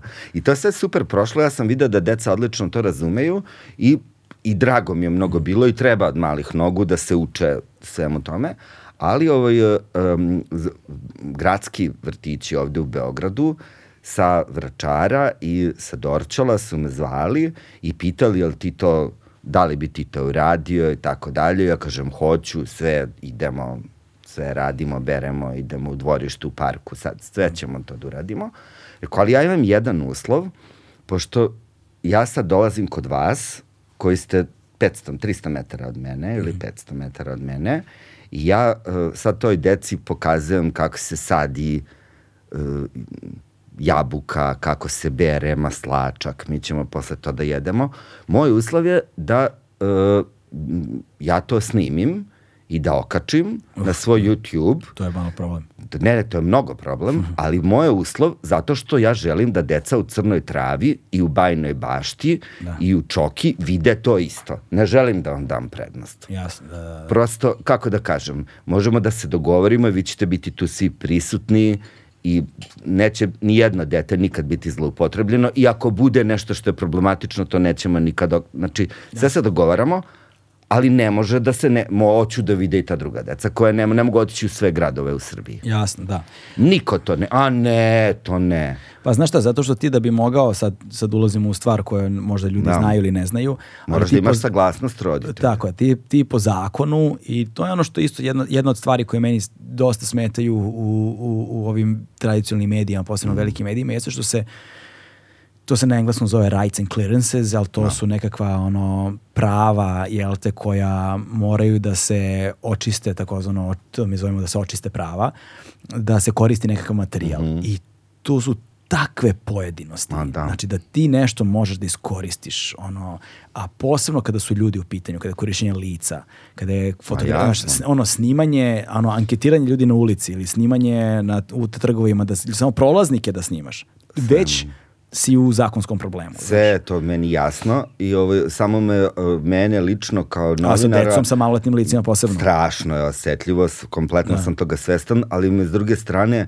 tako nervira ta prilježnost da kontrolišemo to, a ide nam uživo uh, svakodnevno maltretiranje ljudi sa mentalnim bolestima da. i smevanje njihovo na, nacionalnim frekvencijama, sa, naš, da. promovisanje nasilja i tako dalje, to sve kao može, mm. a ovo ćemo sad zatežemo za neke pa, druge znaš stvari, kako, ali da. Ja, ja, ja mislim na stranu, ne, ne bih nužno poredio te dve stvari, mislim da nisu nužno nije isto, po, pove, da. nisu i nije isto, ne bih nužno povezivao na taj način, zato što sad, znaš, uh, ovde kad govorimo o deci, mi zapravo, ono što je najčešća prepreka, čak i kada je dobar projekat u pitanju, jeste što uh, ono što bi trebalo da se desi, jeste ti pošalješ upit i sada onda ti da su to neki ljudi iz organizacije, vaspitači, staratelji, ne staratelji, nego naši ljudi koji vode te institucije, da li je to vrtić, da li je to srednja mm -hmm. škola, da li je to osnovna škola, šta god da je, nije ni važno. Ili da li su to neki klubovi, ono, sad hoćeš da snimaš, ne znam, trening mladih tekvondista, ali svi su mhm. maloletni, ti opet moraš da imaš sve sagledati. Kamera jasno. kroz vrata na uđe, nema šanse dok nisi sve saglasnosti dobio od roditelja, pre svega od roditelja i lokacijske dozvole od lokacije i naravno bla bla bla. jasno sve. I da je to pravno uređeno kako ti taj šta ti s tim materijalom možeš da radiš i da ima autorizacija materijala nakon montaže i svašta, svašta nešto tu ima da ne davimo ljude tim mm. pojedinostima. Ovaj, najveći problem je zapravo administrativna maltretiranje svega toga. Dakle, ljudi kad im saopštiš, njima je jednostavnije da ti kažu ne, nego, jer već u glavi vide sad ja, brate, da mi kontaktiramo sve moguće roditelje, da mi šaljemo dopise. Ne, ne, da roditelji, pazi ovako, roditelji će da potpišu saglasnost da idemo s decom, da deca idu sa mnom i vaspitačicom autobusom na Kosmaje mm -hmm. i ja ću da njima tamo pričam šta god im pričam. To, imamo te sve saglasnosti. Da, to nije problem. Da. Ne, snimanje je potpuno druga saglasnost. Da. To je, nema veze. Znači, ne, ovo je ne, jedna vrsta saglasnosti. Onda, onda, da. Ovo je jedna vrsta saglasnosti. Ali Ma jasno snimanje... je to meni sve, nego ovo vam je okej, okay, a ovo vam nije okej. Okay. Pa da, i meni je to sasvim u redu. A da. ono što hoću da kažem jeste da a, i svaki roditelj ima pravo, nego što kada se uđe u tu proceduru, ti ćeš od nekih roditelja dobiti saglasnost, od nekih Ma, roditelja naravno. nećeš dobiti saglasnost. I onda roditelji koji nisi dobio saglasnost, tu decu izuzmemo Tako i onda ovi koji si dobio snimiš. Ali ta procedura, prosto da se neko time fizički bavi. Ma to je zahteva čoveka celog da se bavi sam ne, tim. I to ne da, jednog, i to vrlo da. često ne jednog i to je ono što ljudi kad im predložiš, jo, muka im je da to rade i onda im je lakše samo ti kažu ne. Da. I, I to je jedna stvar sa kojom se vrlo često susrećemo. Ovaj, ne nužno sa decom, jer ja za sada nisam imao projekte gde mi je neophodno da snimam maloletna lica, ali bude delikatnih situacija i onda ljudima je jednostavnije da ti kažu Jasno, ne, pa, da. nego da se potrude oko toga da se to desi. I to obično zahteva onda neko ubeđivanje i to traje i to bude jako mukotrpno. A to su sve one stvari koje ljudi ne vide, a koje utiču pa da. na kraju krajeva na sam sadržaj koji proizvodiš. Neke stvari koje ti se u sadržaju recimo ne nalaze, ljudi će ti reći ja nisi dobro radio, nije ovo snimljeno, nije ovo stavljeno, nije... a možda to nismo mogli da dobijemo, na primjer. Ma, da. Znaš, možda to nismo mogli da dobijemo. Recimo, ja sam imao potrebe za gomilu dokumentarnih stvari, da falilo mi je nužno recimo da imam arhivske materijale recimo falilo mi je da imam snimke autentične koji postoje. Da, da. Koji postoje. Ovaj, ali ja kontaktiram vlasnike tih arhivskih materijala, onda mi oni traže hiljade i hiljade, ne znam, eura za sekunde tog materijala, ja to prosto nemam. Ja to prosto no. nemam.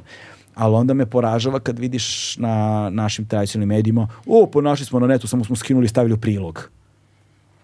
I no. kao, kako se ti s time takmičiš? Ne možeš time se takmičiš. No ali to je prosto tako, znaš, to je prosto tako i ono, vremenom će te stvari, verujem da se regulišu, ali čini mi se da neće nikad biti jednostavnije. Jednostavno ćeš doći do tačke da moraš da investiraš novac, da. ljude, da. sredstva, vreme u to. I to je ono što je učinilo da nam je da pao kvalitet sadržaja u velikoj meri.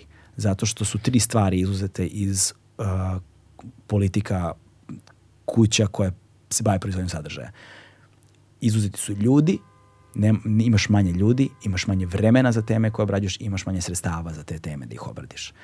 A konstantna hiperprodukcija, inflacija sadržaja koja postoji, je došla do toga da tema koju radiš sada, dok je ti recimo kao neki istraživački novinar, obradiš Završiš je, više šest nije meseci, aktuelna. Da. Nije aktuelna. Više mm. se niko ni ne seća šta je bilo, niti koga zanima.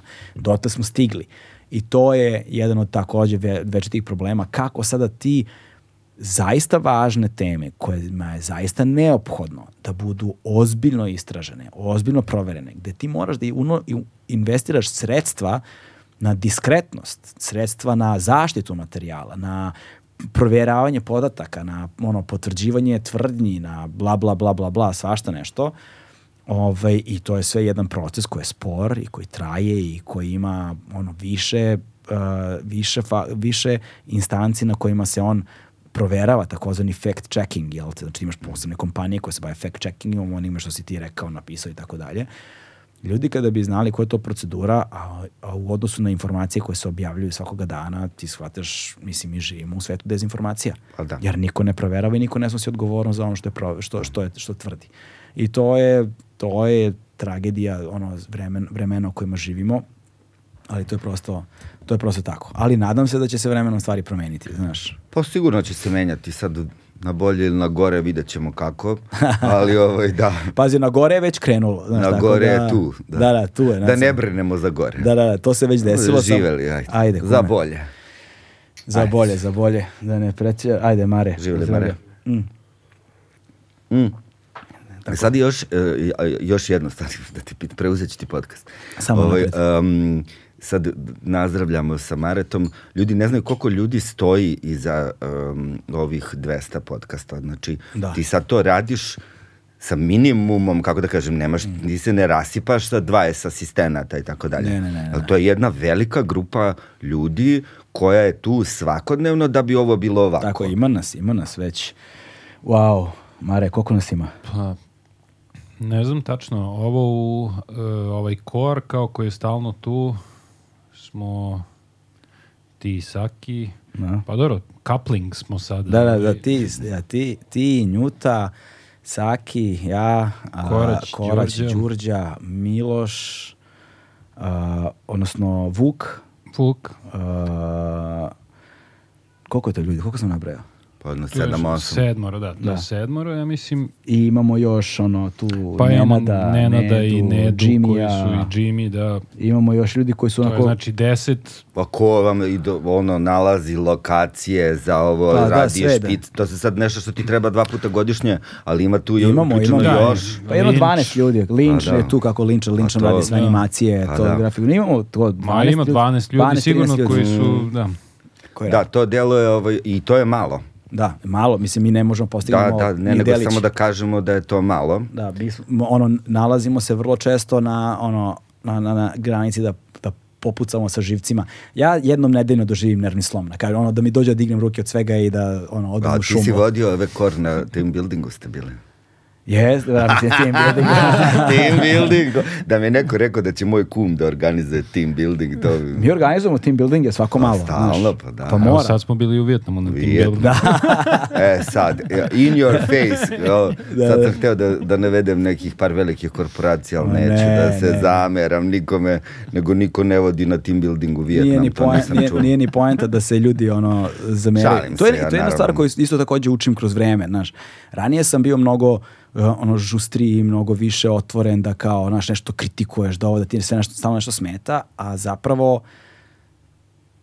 znaš, u velikoj meri sam samo prepoznavao sopstveno nezadovoljstvo. Ma meni je lično Znaš. dosta više jalave kritike. Nema, kakva. Ja ne mogu više to da slušam kukumačenje, Da. ovo ne valja, ne valja. Ajde mačko, šta valja? Daj ti jedno nešto svoje da, kažeš, ajde kako ćemo sad da rešimo To, da. problem divljeg kvasca na stare planine. Znaš, sad bilo koju najmanju sitnicu uzmi. Da. Šta si, kako si se ti potrudio da to rešiš? Svi sad znamo da je jako bi bilo lepo da ima infrastruktura, da ima škola, da ima, to se znamo, ali pošto nema, nema, šta mi možemo da uradimo konkretno? I bukvalno da ta, to pitanje postavimo sebi jedno mesečno, da nastala bi ogromna promjena, nego svima je lako da hm, tuđi ma- mlate Da, da, da, gloginje, da, da.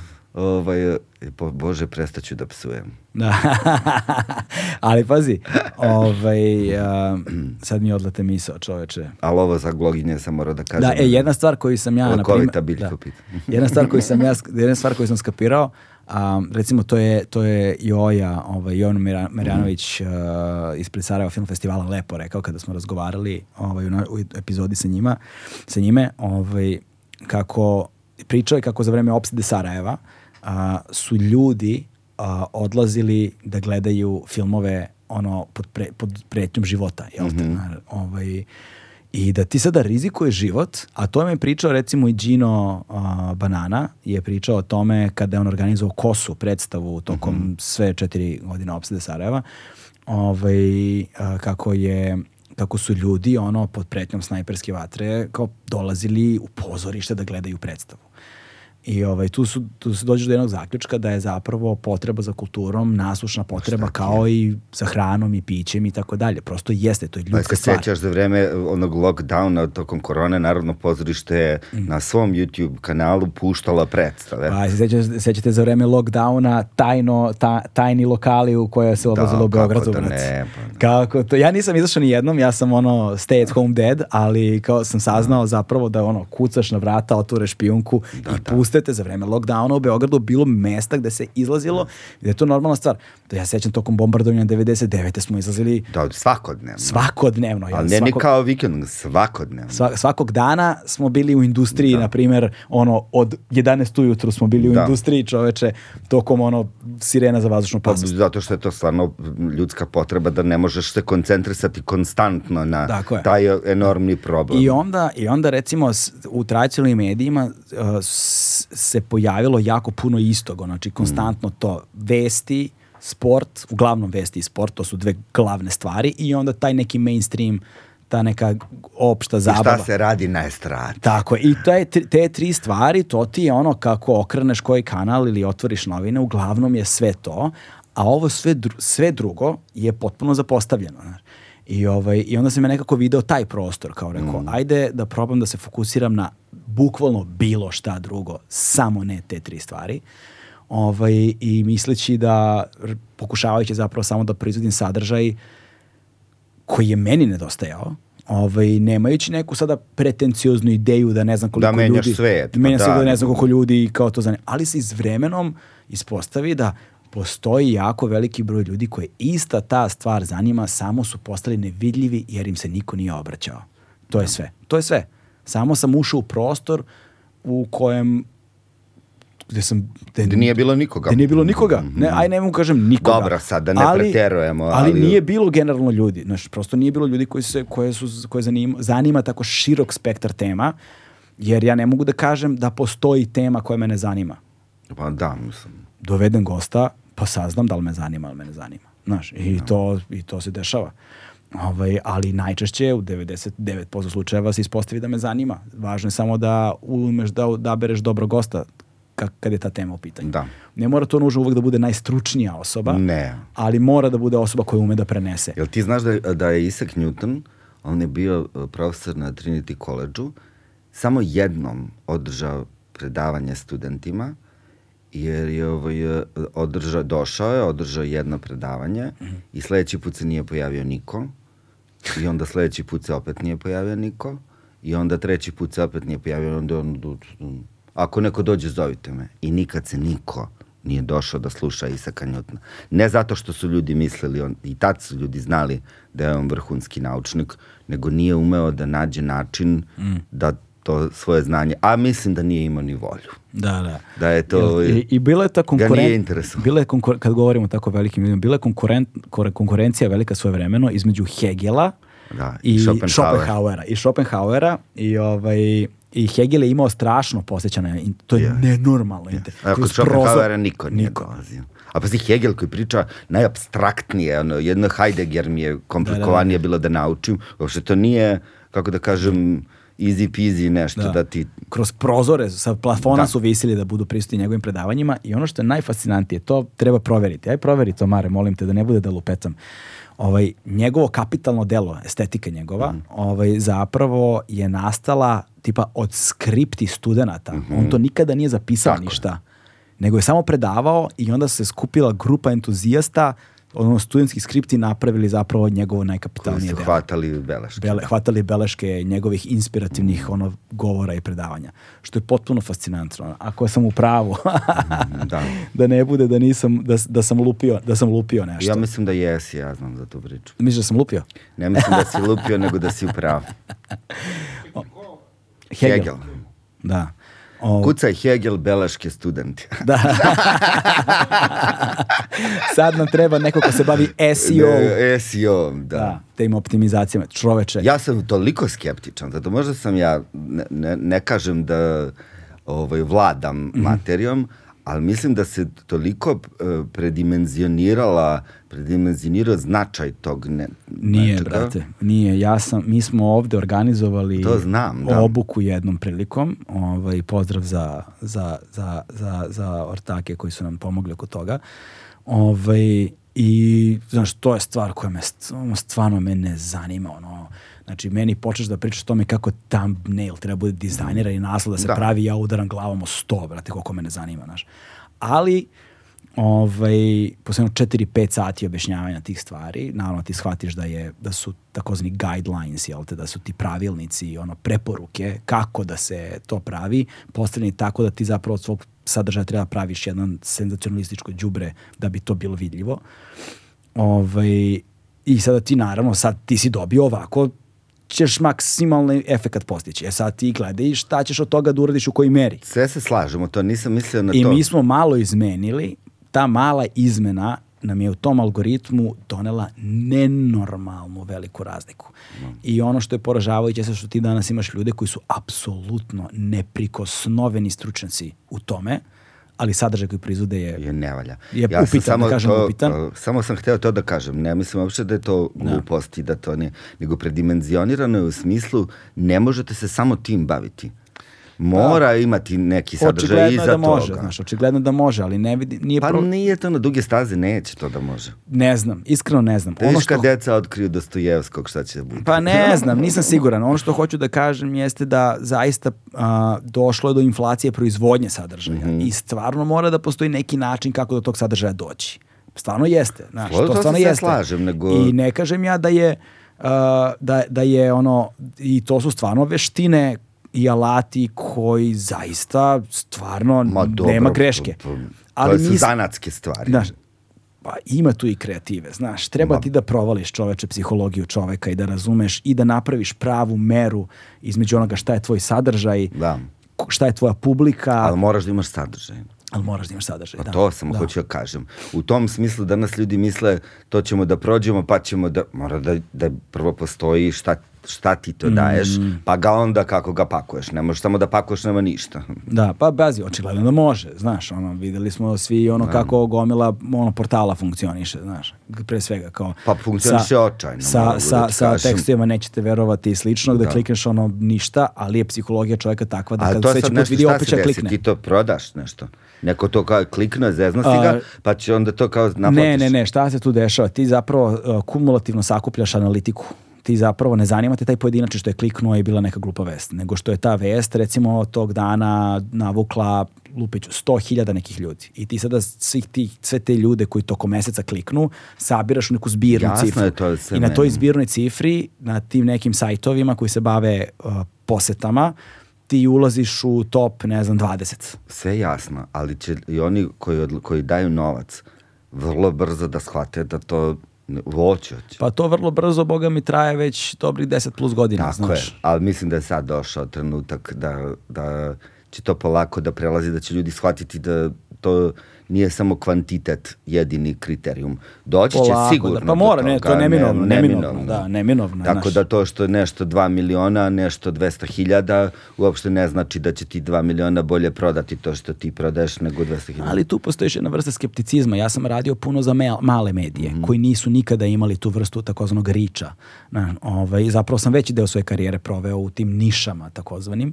I, ovaj, I ono što je bila a, strategija prodaje, po znacima Mhm. navoda, je uvijek bilo to kao dođeš kod tih nekih klijenata od koji bi da uzmeš para i onda im pričaš priču, ala um, mi nismo kao i veliki što baci u mrežu u okean pa zahvate šta god, mi kao imamo mali Mi broj. pecamo na kedere. Da, da, da. Mi imamo mal, manji broj, ali su kao 100%. A naši su ali kao, vamo, ono, pa se onda kao brendovi poklapaju ovo ono. Ta priča je uglavnom bila ono mlačine Ja sam sedeo sa druge strane, Da. moram da ti kažem, i bio neko ko je odlučivao kome se daje Mm. novac za to. To se tako vidi, zato što kad imaš sistem, prodajemo sad ovu čašu i uh, napravili smo ceo mehanizam kako ti možeš da je dopuniš, viš kako sam te... Da, kako suptilno da, da, upozorio. kao NLP. Kao. Ovaj, e, i- I ako imamo kampanju sa tobom, ja sad vidim da je prodaja ovoga skočila 800%, ja sam prodao svoje zalihe, možeš ti meni pričaš šta hoćeš, ba to. Da, da. Meni uopšte ne interese tvoj rič. Jasno, jasno, jasno. I, jasno. i naš sve više ljudi ni, ima koji znaju šta, šta da gledaju. Da, kuda ali idu. to su alati koji su sada dosta noviji, hoću da, Da. kažem. Znaš, ti Jeste. takozvani, kako ih oni zovu, data driven. Znaš, to su sada određeni alati gde sad ti imaš, ono, ljudi tačno vide na osnovu broja ljudi koji je preko tebe, Tako je. tačno preko tebe, vide da je preko Sve tvog se linkla vidi, taj pa broj da. ljudi došao i onda oni opravdavaju na taj način svoja sredstva. Da, I to da. je ima i to ima smisla s jedne strane, ali s druge strane um, zavisi šta je sad opet tvoj cilj. Da. Znaš, da li je tvoj cilj samo da povećaš prodaju ili si, na primjer, ili ti je cilj, recimo... Da ljudi saznaju, saznaju za, za tebe, tebe. čime se ti baviš, zašto si ti, to je sad sve da. Sad, da imaš različite razloge zašto bi se neko reklamirao davo pare ili ne bi davo pare. Otovo, odo smo u biznis. Odo smo, odo, odo smo u biznis, živeli, nemoj Šta- molim šta to ova da rakija napravi od nas, čoveče? Ne, ne, ne, daj Ne, ne. drugu rakiju, daj ovu rakiju Ajde, umetnosti. Šta si dobro pročitao? po- Ajde, uzdravlja Mare. Šta si dobro, ajde se manemo biznisa. Šta si dobro pročitao u Mm. posljednje vreme? Um, Evo, dok se setiš, jeste Hegel, kombinacija njegovih skripti za predavanja i studentskih skripti. Ej, lete, znači nije, Da nije samo, da. osmislio knjigu, nego je... e, to vam se zove uh, fact checking. Fact Fact checking, da. gu- googling. da, da, da, da, da. E, to vidiš. A, ja sam, moram da kažem, pročitao a, u posljednje vreme, sam nekako uspio da izdvojim vreme, dosta sam toga pročitao, ali jedan roman, jednim romanom sam posebno ovaj, odušen. Oni što sam počeo čitam kad smo sedeli, kad smo išli na pečenje, završio Da. sam ga najzad. Ovaj, To je ova, Donna Tartt. Irkinja. Ne, ona Amerikanka, Amerikanka. Louisiana, Jug Amerike. Donna Tartt se zove, roman se zove Češljugar. Mhm. Malo je onako obimnije delo, nekih 800 strana recimo, ali je stvarno lagano za čitanje. Kako je mnogo obimnije delo. kad Malo je- obimnije. Pa kako je kad je malo obimnije od 800 strana? Pa ne znam, ono, to je jedan od obimnijih koje sam pročitao posljednjih godina. Ma Je- niko više to ne piše zato što se je neko piscima objasnio da niko ne čita debele knjige, ko sad ima vremena. Jo, jo. Frenzen Jeste čuješ, jel ti Da. ne čuješ za taj argument? Pa nisam čuo za taj argument. Ja iskreno, jesam, znaš. boga mi. Ja sam baš pričao skoro sa Saletom ovaj, iz Beopolica kako baš volim kad naletim na takve knjige jer onda Da. nekako mi traje ta avantura. Znaš, Da. pomalo, znaš, nemam neku žurbu da je završim, nego samo počneš i onda mi pomalo traje i onda mi ta bude avantura koja traje, nekako se uvijek raduješ što ima još pod uslovom da je naravno dobra knjiga. Dve, po, posljednja pre te, pre te koju sam pročitao da je tako neko kapitalnije delo bilo je ovaj Poloster 4321, to je isto odličan, ali on zahteva jednu vrstu pažnje koja, koju ova recimo knjiga ne zahteva, maš malo je ipak zahtevnije stilski. Da, koncentraciju Struk- strukturom je zahteva, ono, da. Poloster je ipak specifična vrsta pisca, pravi postmodernista, on je jedan od posljednjih takvog tog tipa. Ali ova Dona je, i onda sam recimo otišao što je zanimljivo, kao ajde da vidim, baš mi je zanimljivo, nisam je čitao ranije. Znaš. I onda išao sam online da vidim ovaj, kao neke njene intervjue i to i uglavnom ima dosta starijih intervjua koje dala, ona je isto slično Frenzenu, ona jedan roman u 10 godina, ono, obimna dela piše ozbiljno ali sam video jako veliki broj a, reviewova, a, odnosno recenzija, a, tako neke mlađe ekipe koja ovaj, je optužuje za, ne znam, rasnu stereotipizaciju i tako dalje. To su sad neke tipično američke teme koje ja iskreno nisam nešto pretrano kad sam te reviewove pogledao, onda sam obratio pažnju čitajući ovaj a, roman. I ono, postoje ti nek, ta neka opšta mestašenja u tom smislu da recimo ono, svi portiri na vratima su ono Meksikanci, Ali zato što jesu u Americi.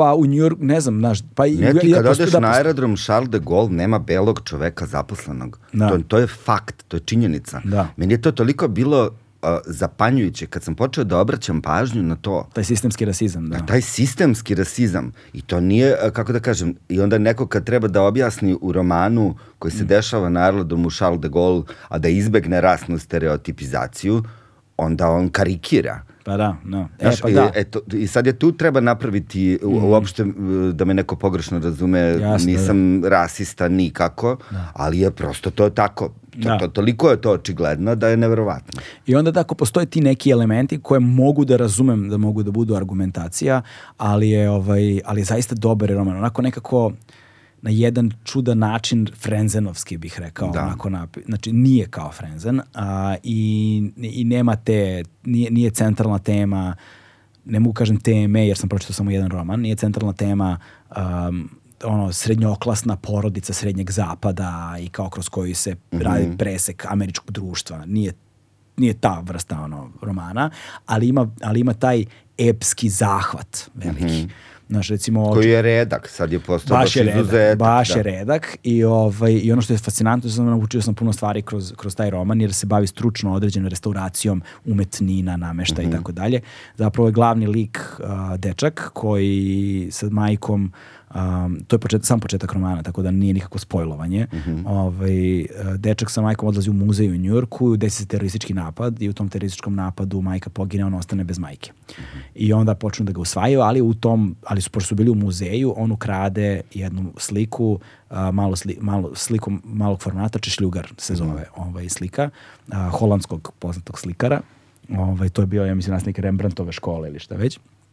I, ovaj, I to je okosnica romana. I onda on kreće za kroz život od ono usvajanja problema različitih, ali sad ono prožima tako velike vremenske periode, znaš, toliko različite ono, kulture, svašta nešto, ono baš zahteva da bude napisano toliko strana, ono, uživao sam, boga mi, ozbiljno. Da, znaš. ja sam, kad sam kod obimnih knjiga, i to je možda i poslednje, što je, imaju u stvari dve koje su ostavile na mene utisak, um, ali kad smo kod tih obimnih, to je ovaj Alessand- Alejandro Hodorovski, Mm, Hodorowski, da. Metagenealogija, to je isto tako jedna knjiga sa 900 strana, koja mi, šta mi se tu u stvari e, jako dopalo?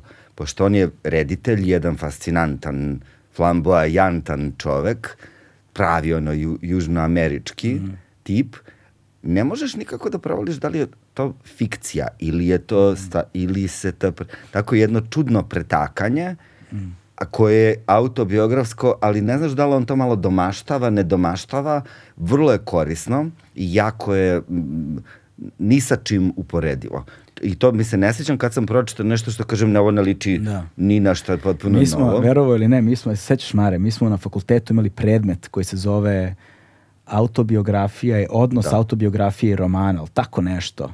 Profesorka Marčetić nam je predavala. Aha, kao A- uh, autobiografski pristup. ovaj, Ne autobiografski tumačenje. pristup, nego, nego, nego kao, i, uh, uh, ono, da li je, sad zaboravio sam čoveče, i kako vreme prolazi. Da, nije baš prava Prošlo je- autobiografija, prošlo, je- nije prošlo, ni prošlo je više od romanci. 10 godina, ali se zapravo samo jedan roman radio, ceo kurs uh, uh, u potrezi izgubljenim vremenom, bre, ovaj, bre, Ovaj, Prust. Proust. Prust. I Prust je zapravo bio tvorac te vrste romana. Da, to nisam mogao da E, da, savladam. pr- on, on je tvorac toga. To ono, odnos, odnos autobiografije i romana i da li je gde granica i šta je granica. I to pitanje da se istorijski tačni fakti koriste zapravo samo kao motivacija za umetničku građu. da. Znaš što, I da zapravo se potpuno briše ta granica između autobiografskoj fikcije. Što je vrlo zanimljiv Ali fenomen. on se bavi, to naš njegove knjige se zovu psihomagija, on koristi Da, da, da. neku okultizam, meša sa psihologijom, a on je umot, umetnik i to vrlo poznat, etabliran i tako tu ima, vrlo je zanimljivo. A druga knjiga koja je jako veliki utisak ostavila na mene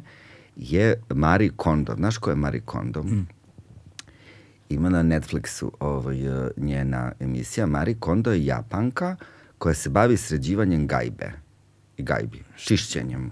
Šta? Jao, mislim da sam to video, ali nisam Znači- nikad kliknuo, da. Pazi, o, um, ona je neko koga angažuju ljudi da dođe da ti pokažeš, pokaže kako da središ gajbu. Ali to je, e, knjiga je fascinantna. A Nemojte ne, da vas ne, ovo ne, ne, misliš čišćenje gajbe ili sređivanje gajbe? čišćenje, ne, ne, ne, kao dekoracija, čišćenje. Čišćenje, to, to, to, mislim da sam to vidio. da, da. Čišćenje i bacanje. Bacanje je glavno svih nepotrebnih stvari. Mhm. I ovaj, e, jako je zanimljivo zato što je tu tako očigledan taj kulturološki jaz koji postoji prvo među našim kulturama, a drugo e, da neko napiše i da ima slobodu da ja sam čistačica i sad ću da budem guru za sve čistačice i da vas učim kako da sredite svoj život tako što ćete sredite svoju gajbu. Znaš, ono, zvuči kao neki koncept, onako kao da te neko zajebava malo, Da, da. ali u stvari je um, vrlo uh, interesantno i zanimljivo i to uh, prosto dolazimo u tu, mi smo neka sakupljačka kultura, a Japanci su potpuno drugo. Oni su kultura koja odbacuje sve viškove, pravi balans meru i tako dalje. I ona smatra recimo da ne treba da imaš više od 50 knjiga na gajbi, iako čita knjige i to stalno poklanja i daj nešto što nisi obuku. Tako, ima nekih praktičnih stvari, ali vrlo e, pametno piše o nečemu što a priori shvatamo kao posao koji može se bavi najneobrazovaniji niko. Ona je sesem neobrazovana. Da, da, da. I tako je imala to red u kući, red u glavi, to je njeno. I ovaj, pročitao sam tu knjigu i onda sam ovaj, našao da je dobila decu i rekla je sve što sam vam ovo pisala.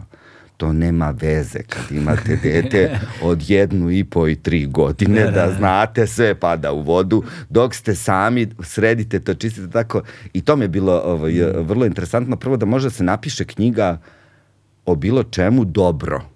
Da, da, da. A da nije, neke, nije to kao self-help, nešto Jasno, jasno, tako. jasno. Nego ona žena piše o čišćenju i bacanju starih novina i kako, kako sređuješ svoj ormar s garderobom. Znači, Da, to da, su da. teme.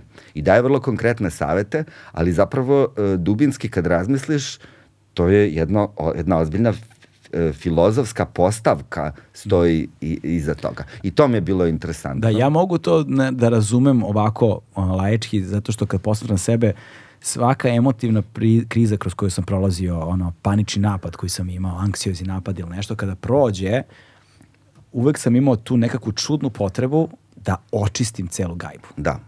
Pa to, e, to, o tome je kao, knjiga. kao, da ima, kao, da, kao da to čišćenje gajbe ima nekakav rit, nekakvu ritualnu težinu, ritualnu tome je vrednost. knjiga, Ono, da. Znaš, ili kad si uznemiren ili nešto, pa sedneš pa opereš sudove, očistiš sve, ali to krene kod mene tako što sad ću da operem sudove, ali jednostavno uđeš u nek- brzo izgubi. Ne, uđeš u jedno, tako, brzo izgubi, uđeš u jedno stanje uma gde kad završiš sudove, samo, samo Da. Ajde, do- prebrišem sto, Stvaraš neku iluziju strukture, reda. prebrišem sto, ovo mi je nešto krivo da poređam, kakvi su ovo viškovi babacaju đubre, ja vidio ovo ovde, daj da pre, obrišem ovaj pod, ajde da usisam ovo i u jednom trenutku ti uhvatiš sebe kako na tri sata ono, ribaš gajbu. Da. Ovaj, I to mi se dešavalo onoliko puta u životu, znaš, Da. i mislim da to apsolutno nije besmisleno. Ne, ne, nije uopšte besmisleno, ali onako del, kad bi sad trebao da prepričaš nekome o čemu je knjiga, malo deluje trivialno, a za, baš me to u stvari ovaj, zaintrigiralo. Mm. Da. A i znam sebe kakav sam bio u trenucima kada mi je ha- gajba bilo u totalnom haosu. Da. I onda tačno prepoznajem sebe iz tih faza i sebe iz drugih faza i tačno, tačno može da se Da. napravi vrlo jasna paralela. Da. Da. Vrlo, to je da, zanimljivo. Ali ja nekako nemam, izgubio sam želju da čitam takve knjige, ne znam zašto. Pa, znaš šta, Zamorilo me, e, valjda, nemam Meni, pojma. ja, nekako knjige dolaze u moj život Aha. i uh, um, Ja ih ljudi mi- tražim. ja tražim, ali nekad i dolaze. I onda kupim pa kao pročitam i ja vrlo često odustanem. Na, ne znam, ti to Ja isto radim, To apsolutno. baš, će, to moje vreme je tako dragoceno, da me smaraš 200 strana, to samo može kad mi ti kažeš izdržiš 67 strana, bit će posle super, Da. onda to tako. Ako me to traje jako Tako dugo, meni- tako je meni moram da dođem do kraja, ma ne moram ništa, ono, tako malo Tako je meni sa moram. romanom ovaj, Kristijana Novaka Črna mati zemla. Mhm. Ovaj, ako sluša Kristijan, izvini, brate, obožavam tvoje romane, smatram te jednim od najvećih ono, živih pisaca danas sa naših prostora. Ovaj, I Črna mati zemlja, apsolutno genijalan roman, roman, ali meni je prvi 70 strana da preživiš. Da. Onda se otvara takav dragulj da je to strašno, znaš. I Da. to je i to je, znaš, ali to je negde mislim da je možda, znaš, i urednički zadatak, nemam pojma. Znaš, sad ne mogu da tvrdim, ne znam, ovaj, ne, ne znam kako je taj proces izgledao, pa ne mogu da izmišljam ništa, sad ne konkretno. Ali da, ja imam to obično isto, dam romanima neku šansu, odokativnom metodom, ovaj, pa ako se ništa ono, ne desi, ako vidim da me to... Ali opet ja obraćam pažnju, znaš, sad i na strukturu i na stil, ja, znaš, meni ono, ne moram da pročitam ceo roman kao što ne moram da pojedem celo jelo da bih ti rekao da li, da li mi se sviđa Da, ma da, pa da. Dovoljan mi je nekad zaloga i nekad mi je dovoljno samo da ga omirišem. Da. Ono, kontekst mi je takođe važan. Sve što ne sumnjam da i to što radim je ume da bude isključivo i pogrešno. Pa da, I da sam gozna kakve dragulje propustio zbog tih parametara i to je, ver, ver- ali opet ne možeš, Ma ne da. može sve. Ne može. Ne može sve, ne može sve. A ono sa čime imam ovaj, problem intiman jeste što nekako i sad ovo sve što se dešava i posao i sve rasti, to se sve radi. I sa ovime se upada u manir. Mhm. I sa ovime se upada u manirizam, a, gde sada se nalazi, nalaziš u situaciji gde imaš potrebu da ponovo osmisliš sebe. Jer počinjem ja da primećujem da s- čak i u ovome se dešava ono automatizacija rada koja te ubaci u rutinu, da. a koja postane udobna. Pa zato, pa zato I ne napreduješ, i ne pop- napreduješ. Pop-up restoran, što sad ne bi nešto nevjerovatno uradili. Da. Ajde, dosta više, da, uđeš u, uđeš Da, u manir. da. I treba da, da projekti, čak i oni najbolji imaju svoj rok trajanja. E, Moraju da. se u jednom trenutku rem, modifikuju, remodeluju, da se od Ili da se ograniče nekom nivou, kao što je Tarantino Da. rekao će da snimi 10 filmova i to je to. Znaš, on veruje u taj Da. koncept. I meni je to potpuno, meni je to potpuno jasno. Samo što je, mislim da postoji jedna čudna stvar tu. Teško mi je da pustim zato što postoji taj duboko usađeni strah u nesigurnosti, a, a, neizvesnosti, jer nekako najzad posle toliko godina ono, se desilo nešto što funkcioniše. I sad ti treba da budeš takav šmeker da to što funkcioniše i radi dobro, kažeš, e, dosta je bilo, aj čao, sad nešto novo što je nepoznato. Da, ali to radiš, ne radiš uh, iz svog hira, niti zato što misliš da to tako treba, već zato što osjećaš potrebu Tako da je, se ali- odmoriš i izmakneš. I to je, i to je sad sukob jedan unutrašnji. S jedne strane osjećaš tu potrebu, ali s druge strane ovaj, uh, osjećaš i strah. Da, pa da. Šta sad? Znaš, i, A dobro, mi umemo da budemo siromašni. Pa jeste, nije to, nije to, nije, nije to problem. Mi Samo hoću, znamo, samo hoću da kažem za, za, ljude, za ljude koji nešto žele da rade, ovaj, to najčešće bude razlog zašto se ne usude da to nešto urade. Upravo taj, taj kako bih rekao, zlatni kavez stabilnosti. Da. Znaš kao, zlatni, ali kavez. Kavez, ali zlatni. Znaš, i to je... Prijavljen za stalno. to misliš. Pa jeste, znaš, opet... Pa ali- da, ne sad- treba se to, ne, ne želim da neko misli da se podsmevam Ne, tome. ne, ne, ne, ne, jer ne, ne, ljudi ovaj, stvarno osjećaju potrebu, specijalno u ovim našim nesigurnim Mm. vremenima, da imaju neku strugu- strukturu, stabilnost, ali mora čovjek s vremena na vreme da se, ra- da se zapita da li baš to zaslužuje. Zavisi naravno od tipa osobe, koje su ti ambicije, koje su ti želje, aspiracije u životu. Na šta, znaš, možda nekom, ne, postoji ljudi kojima savršeno odgovara jedan tako stabilan ciklus, predvidivi, zato što, ne znam, u slobodno vreme rade neke potpuno druge stvari, Da. koje zahtevaju upravo tu vrstu stabilnosti da bi se otvorila ova druga dimenzija. Nije ni važno. Mislim, sto ljudi, sto čudi. Ali ono, š- ono što jeste kod ljudi koji sebe smatraju kreativnim, koji imaju nekakve želje da nešto urede svojim životom, Mislim, čini mi se da je negde prva stvar da znaju šta žele. To je negde, čini mi se, prva stavka, ono, hoću ovo, znaš. I druga stavka, odmah koja sledi za tom je da veruju u to isto. To nisu dve iste stvari. Da. To uopšte nisu dve iste stvari. To što nešto znaš, a želiš i da veruješ u to isto, to je potpuno druga stvar. I treća stvar je ono da se usudiš da praviš greške. Jer znaš da te greške, posebno ako je neka javna stvar, pravit ćeš katastrofalne greške i smevaće te. bilo koja stvar, samo kad je javna, onda će te ismevati. Smevaće Be- te. Milion ljudi. Ali zato što znaš šta želiš i zato što veruješ što, što želiš, te dve stvari će ti dati snagu da guraš kroz te greške. I četvrta stvar negde bi bila ono kontinuitet. Kontinuitet je... Jednom kad si krenuo, nestaj. No, nestaj, kontinuitet bi meni bio na, možda na vrhu, e, dobro, kad prelomiš šta želiš i kako želiš, jako važan i to, ta istrajnost je ne, toliko redka postala Mm. osobina. Da. Svi to probaju, igraju se, pa kad vide da ja, Jeste, malo jeste. me smara sad posle 12. podcasta.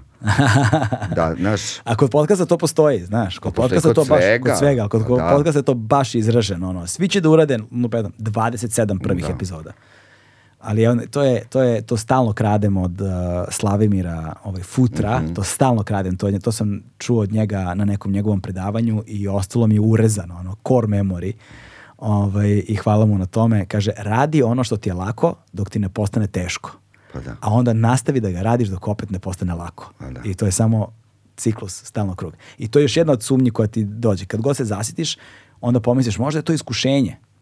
Sad moram samo da nastavim da guram Da. kroz ovo čega mi je muka i sad ne znaš gde je referentna vrednost, znaš, da li mi je stvarno muka ili samo treba da nastavim da guram. I ne znam šta je odgovor. Da. I to je isto jedna od sumnji ono, koje, koje, koje tu stalno vise. znaš, Moram da ti vazduh. kažem da video sam ovaj podcast sa Selmom Mhm. i mnogo mi je drago da se pojavljuju umetnici i umetnice Da. ovaj, u ovom podcastu. To nije zato što ti ne voliš umetnost, već zato što nekako si to prepoznao kao da nije baš tvoja. Imam taj, taj utisak Da, da, da, to da, da. nije baš tvoja tema, a zapravo mogu, možda, mogu da se kažu fantastične, vrlo zanimljive stvari. Pričamo o vizualnim. Ja, vizualnim umetnostima. Uh, jedna stvar je ta, druga stvar je što svakako, znaš, nije, nije moj svet u Mhm. jednoj dobroj meri i onda uglavnom ljudi iz tog sveta dolaze kada nabasam na njih, kada Mhm. na neki način nam se putevi sretnu i onda se oduševim nečime i onda ih zovem.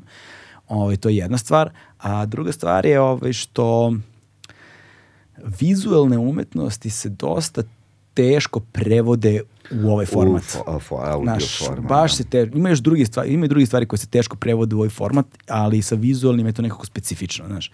I onda kako razgovarati o tome, a onda na sve to vizualni umetnici, sad da ne bude da generalizujem i pravim nekakve stereotipe, ali mi se dosta često dešava i Teško verbalizuju. Da, prosto su Da. iz- izabrali svoje izraz... Nije to njihov Nije prirodni nužno. teren. Da. Nije nužno na, govor, ono, oratorstvo, a, njihov medijum, znaš. To je isto vrlo često stvari sa piscima, da kad smo već, da ne bude samo vizualna umetnost. To Da, meni je često stvar. tužno bilo kad sam čuo neke svoje omiljene pesnike, sada ne kažem da, da recituju svoju poeziju. Da, da, da. Da, Mi je to bilo očajno. da, da, da, da, da. Da, da Kovali Crnjanskog nek ne sluša kako Crnjanski recituje svoj lament nad Beogradom, to, je baš onako ne pokvarilo mi je. ovo je- da, da, Ali dobro, mislim, Čovjek je potrošio sve zapete na ovom svetu koje Da. postoje. A on beše nije ni R umeo da kaže, ali tako, znaš, nešto. da. to je, Ali bio baš dobar frajer, znaš to? ne znam. bio baš dobar frajer i imao je taj tu kao taj stav dobrog frajera i to sa ženom je se upoznao ovaj, ušao u bioskop i ovaj, Vida je sedela i stavila je šešir na stolicu pored i on je rekao dobro večer, ali ovo slobodno ona je rekla nije i on uzeo šešir i stavio njeno krilo kaže šta nije i seo i tako si posle su se venčali i to mu je žena Wow. do kraja života. Nisam to imao pojma. Da, da, da, da, vrlo ovaj, zanimljivo. A, ne volim da čitam biografije, na primjer. To me, ono, nekako sam se vezao za to da me zanima umetničko delo i kao apsolutno me ne zanima biografija pisca, spletke oko spisateljice pisca, a, život, a, privatna interesovanja i tako dalje. Ovaj, naučio sam da odvajam, osim u situacijama kada je ono nužno. Kad je on istorijska ličnost neka, pa sad to ima meni... I sad ima tom- stvari koje su jako važne za razumijevanje, ono kao taj fenomenološki pristup ili koji god ovi o istorijskom da ne govorim. Ali trudim se i nekako me smara koncept čitanja biografija, posebno autobiografija. Znaš, nekako to nikada nisam, nikada nisam voleo i izbjegao sam i zaista sam u životu pročitao vrlo malo, ako išta, od ono, znam jednu autobiografiju koju mogu ti navedem, tu mi je negde Edward Banker, evo ga ovaj, Da. Ispovesti jedne bitange Edvarda Bankera. Aha, to, da. je, to, je, to je jedina biografija koju mogu setim, ono, autobiografija koju mogu setim da sam pročitao. Ja sam čitao autobiografiju um, Gurdjeva Mhm. i to mi se dopalo. I to je taj Hodorovski mod. Ne znaš baš da lažucka. Malo sve vreme imaš ucek da malo kiti. Da, da, da. I pročitao sam uh, bio, autobiografiju Vedrane Rudan Mhm. i ovo, ja mislim nisam njen fan. Njena književnost nije nešto my cup of tea, kako Da, da, da, da, da. kažem, ali ovo mi se naj, ovo mi se dopalo. Da. Da. Nisam, nisam čitao ništa o tome, ne znam, ali ovaj, ali okej, znaš kao, ja razumijem. Ima ljudi koji su, na primjer, koji su fascinirani isključivo autobiografijama. Da, ili ono film snimljen po istinitom događaju. Meni to isto... A dobro, to je ono... Meni je to u tom rangu, pa što... To je, ali to je dobro, to je marketinški alat, to je tržišni Jasno, alat, pa to da. je, ima, iskren da budem, ima romana i priča koje sam pročitao nakon što sam odgledao film. Da, Znaš, pa da. odgledao sam prvo Odiseju, pa sam pročitao Odiseju. To je bio jedan od načina kako sam se upoznao sa Arturom Clarkom, koga obožavam. Znaš. Onda recimo Teda Changa sam upoznao kroz film Arrival, pa sam onda pročitao, kako se zove, Priče tvojeg života, ili tako nešto Da, da, priča tvog života. tvog, da. tvojeg, tvojeg života sam to, znaš, prvo sam, ono, upoznat sam bio sa njime, ali mu nisam dao, posvetio pažnju nekakvu, Da. ovo, jer kao neki ono, matematičar, lingvista, šta li već, koji kao pravite neke priče, nije mi to nešto bilo. Onda sam vidio Arrival film, oduševio se filmom i onda sam pročitao Ma dobro, da, naravno. knjigu, tako da nije ni to ono lišano smisla, ali da, jeste iskorišćeno kao komercijalne svrhe onoliko. Znaš, i onda vrlo često to bude način da se nešto proda ili rasproda na dobar način. Kad smo već kod toga, ovaj, a, a, ima ova a, dramaturškinja Tanja Šljivar, ovaj, koja radi adaptaciju Mislim, pričali smo o tome na Krokodil festivalu pre Bog te mazo, kada je Krokodil festival bio, pre nekoliko meseci, ne znam, ne mogu se setim više ni ja, nemam pojma, neki jul, avgust, ne, jul, jun, jun, jun mesec, jun, eto, ovaj, adaptaciju romana Komo, Srećana Valjarevića u film što vidjet ćemo kad se završi i da se to sve isfinansira, iz, ali ako to stvarno bude, to će da bude spektakl. ono. Mislim, nadam, se da će, nadam se da će da bude, ali Ako mi, bude spektakl. ako bude spektakl, da. Ali ideja se Mogu da zamislim da se ta knjiga pretoči u fantastičan film. Znaš, to, to, Sad to zavisi taj film stvarno zaslužuje, da, zaslužuje. Ta E, knjiga fi- zaslužuje pardon, film, da. Ta knjiga zaslužuje to, znaš. I, onda, Ko i, će da glumi to? Mislim, meni je nekako Meni je više jedan ko će da glumac, ali- režira, iskreno. Pa, to je Da se bitnije, stvori da, ta ali- Ali treba, da. mislim, Svašta čudan je ti treba. format, da. Mislim, Da. znaš, treba pretvoriti, treba dramatizovati to, Mm. znaš, treba staviti dijalog je tu, treba svašta, mislim, taj roman nije baš zahvalan za tu vrstu Nije, dramatizacije. nije uopšte, da. puno introspekcije, mislim. A, to kako to treba uraditi. Meni se svidelo, ima neko izdanje, ne znam št, ko je to, to je da li to neko knji- izdanje, neka audio knjiga ili šta li već, ali na YouTube-u sam našao isečak a, od nekoliko minuta, te samo te jedne scene ovaj, a, iz koma kada se penje glavni lik na, na, pla- na vrh planine Da, sa Orlom. sa Orlom, kada se Orao pojavljuje, a, koji je zapravo čitao a, Glogovac. Mhm. Glogovac i Glogovac, mislim da je pročitao, jeste. moguće. Ima i to genijalno zvuči i onda, naš, eto, da je Glogovac, njega bi Da. mogao da zamislimo, ono, recimo, kao glavnog lika, on bi bio Da, taj, da, naš. svakako, da. Sada ko bi bio ekvivalent tome, naš. Ali ja sam to prosto vizualizovao da što sam čuo njegov glas koji čita. Da, i onda te to I nekako mi je dobro usmeri. leglo. Dobro, Mm. mi, dobro mi je leglo. Ima taj isečak na, na netu, mogu ljudi da nađu. Tako da ne znam, znaš, im- mislim, taj koncept mi uopšte nije loš. Ovaj, šta više zanimljivo mi je, uh, jer su dva različita medija naš, koji zapravo imaju puno toga zajedničkog, puno toga je film uzeo iz književnog jezika, ali je kreirao sopstveni mediji, jel te, sa sopstvenim predmetnostima i ono, sopstvenim, sopstvenom slojevitošću. I principi su različiti u vizualnom odnosu na književno. Ovaj, bliže na nekom strani, na neki način uključuje likovno i auditivno i svašta nešto da. uključuje u sebe. I onda tu više slojnost koju, znaš, a opet je jako zanimljivo kad god se ekranizuju romani zato što je čitanje romana nekad i negde ipak duboko individualno iskustvo u načinu doživljaja. Znaš, to je ta estetika recepcije, ono, prijema umetničkog dela. I ono način na koji si ti doživao to umetničko na koji sam ga ja doživao, na koji ga je Marko doživao, to mogu biti tri potpuno različita načina Naravno, ma da. ali ti ga zaključavaš vizualnom reprezentacijom na neki način. I onda ne, meni, ja mogu da budem oduševljen, te može da bude užasan, a njemu može da bude onako. I to je opet potpuno legitimno. Ma naravno, da, ali i, i to stvarno zavisi od, ako pričamo o filmovima snimljenim po književnim delima, zavisi od, od vrste književnog dela jako. Jer ti imaš fantastične knjige koje je gotovo nemoguće o, ekranizovati, a imaš i neke onako koje dobiju ekraniza... onako, Da, jasno, jasno, koje jasno. dobiju fantastičnu ekranizaciju, pa film bude... Potpuno, potpuno knjiga bude skra, Knjiga skranjuta. bude u drugom planu, U drugom tako. planu, da, da, da. A ima i romana koje su onoliko puta pokušavali da ekranizuju. Bezuspešno, I bezuspešno.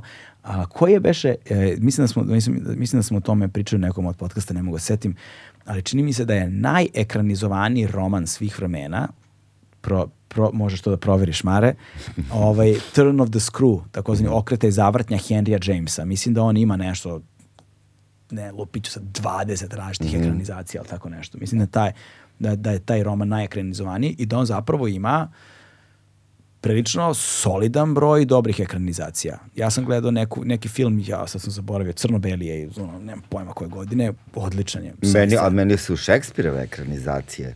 Kad gledaš kako neko snimi film po, Da. po njegovom delu, pa mi bude mletački trgovac sa uh, Robertom, De Ni- sa ovim uh, Al Pacinom, baš bu, još je to baš izazovno, jako Mletački teško. trgovac Al Pacinom. Ili je on Richarda trećeg radio? Mletački trgovac. A, mletački Mletački trgovac, da. da. A ima on i Searching for Richard, to je dokumentarni Da. i sa Al Pacinom isto kad ide kao ono, traži Da. sebe u Richardu trećem za nas. Da, da, da, to je isto, to je isto jako dobro. Ali to Mm. je dokumentarno više. Ne, ali, ove, ali dobro, Shakespeare, mislim, prosto Shakespeare je...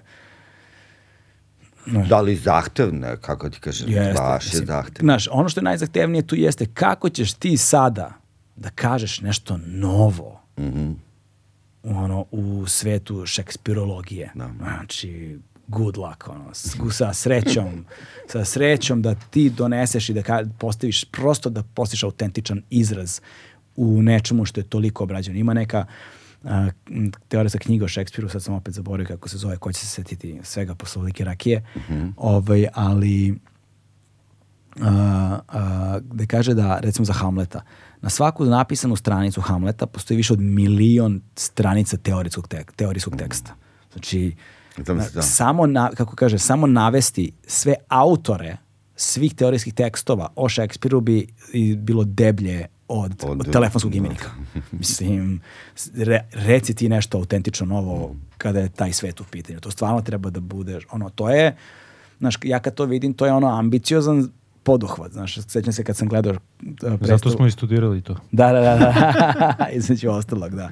Recimo Miloš Lolić, naš pozorišni reditelj, je napravio sjajnu adaptaciju ovaj Šekspiru JDP pre jedno Bog te čovječ ima deseta godina, 2012. čini mi se da je to bilo. Naš, ono, naš, imamo mi ljude koji umeju i tekako... Ja, ja sam gledao ovaj, um, na Shakespeare festu u Čortanovcima. Mhm.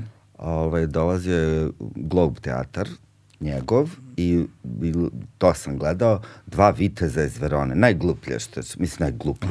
za to, da Razumem šta ćeš da kažeš, ne brini. Nego ne može se porediti ni sa čim, Da, da. mislim, po umetničkom. do- To je toliko fascinantno pozorišno iskustvo bilo Mm. i na engleskom je još i to Šekspirovom. Ne, Shakespeare na da, engleskom, to Elizabetanskom.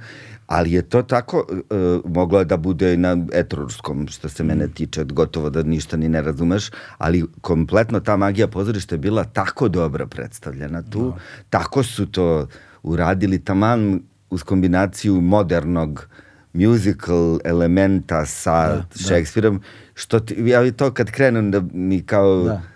Ovaj, se glume besne gliste pa izvode neke nove moderne stvari, uvek meni to bude malo, ali ovo je bila prava mera, Da, pokušavam, izvini, vizualno da probam da nađem gde mi je, evo ga, vidiš ovaj William Shakespeare sabrana Mhm. dela ovamo.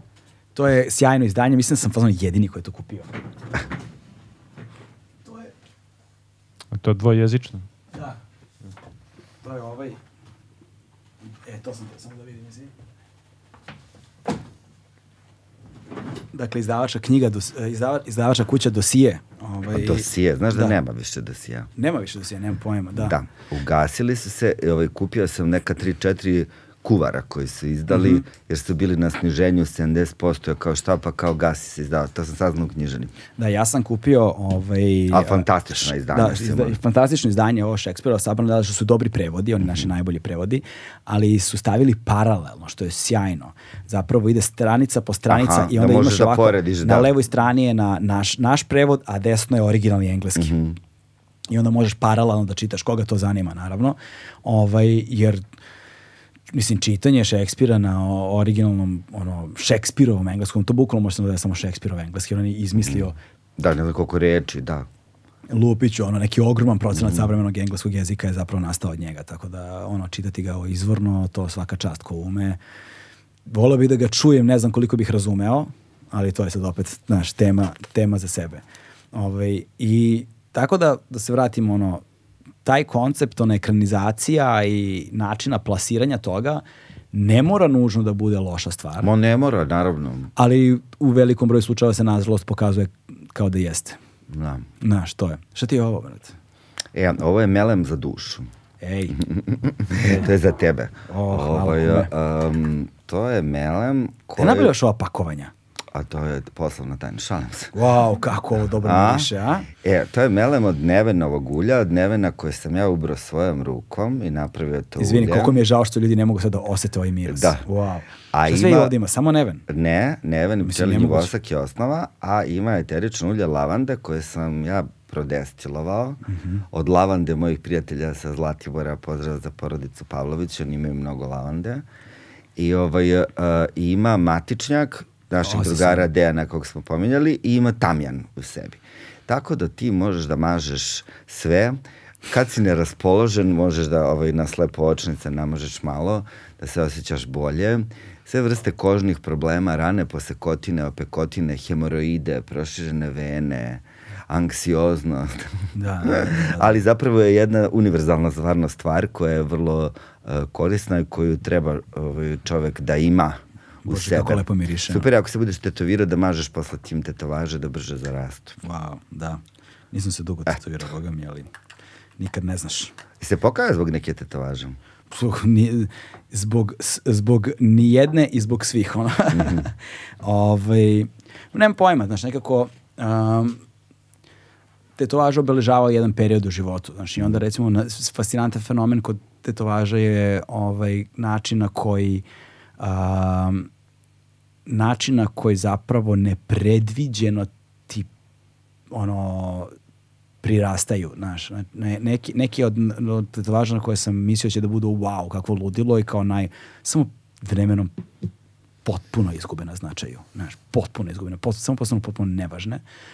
Ove, a neki je ono krševi, glupi, ono, znaš, sa nekog ono partija pijanog je od, ne znam, pre 15 godina, ostanu divna uspomena. Znači, što su starije, nije, uopšte, zanimljivo kad se važa što uopšte nije, nije pitanje njihove estetike, Da. nego nekog drugog značenja koje nose sa sobom, znaš. I onda, i onda kao neki podsjetnik ono, na jed, sećanje na jedan trenutak u prošlosti koji je bio stvaran tim što ga vidiš, njegov trag, razumeš, ima nešto stvarno u njemu što nosiš sa sobom i onda je kao nekakva ono, nostalgija, kao nekakva emocija, kao nekako sećanje, kao neka, znaš, i pritom je uvek zanimljiv, zanimljiva refleksija na tebe od ranije.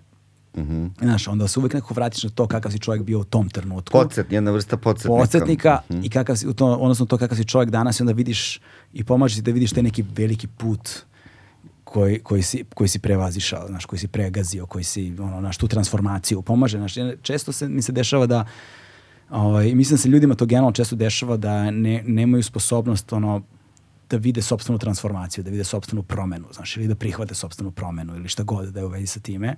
Ovaj, I čini mi se da je ovo jedan od, barem u mom konkretnom slučaju, znaš, jedan, od, jedan, od, jedan od lepih podsjetnika, ali vremenom 90% u suštini samo postane ono, znaš, svakodnevna stvar na koju više ne obraćaš Da, ne pažnju. obraćam, Habituiraš, a nju ni ne primećuješ je više, znaš.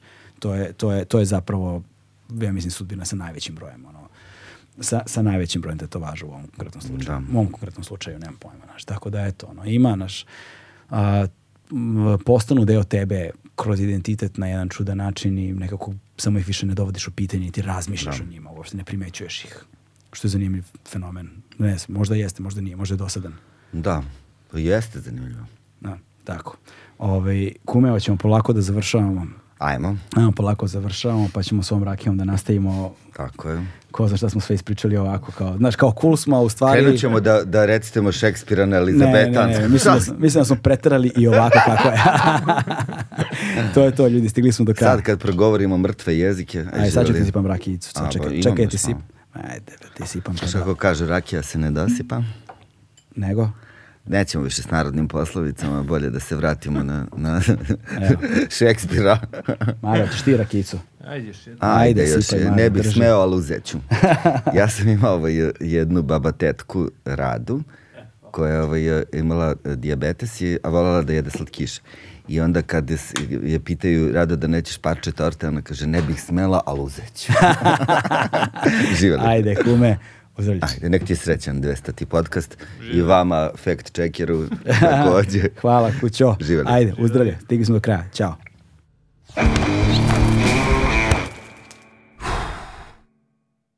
Hmm.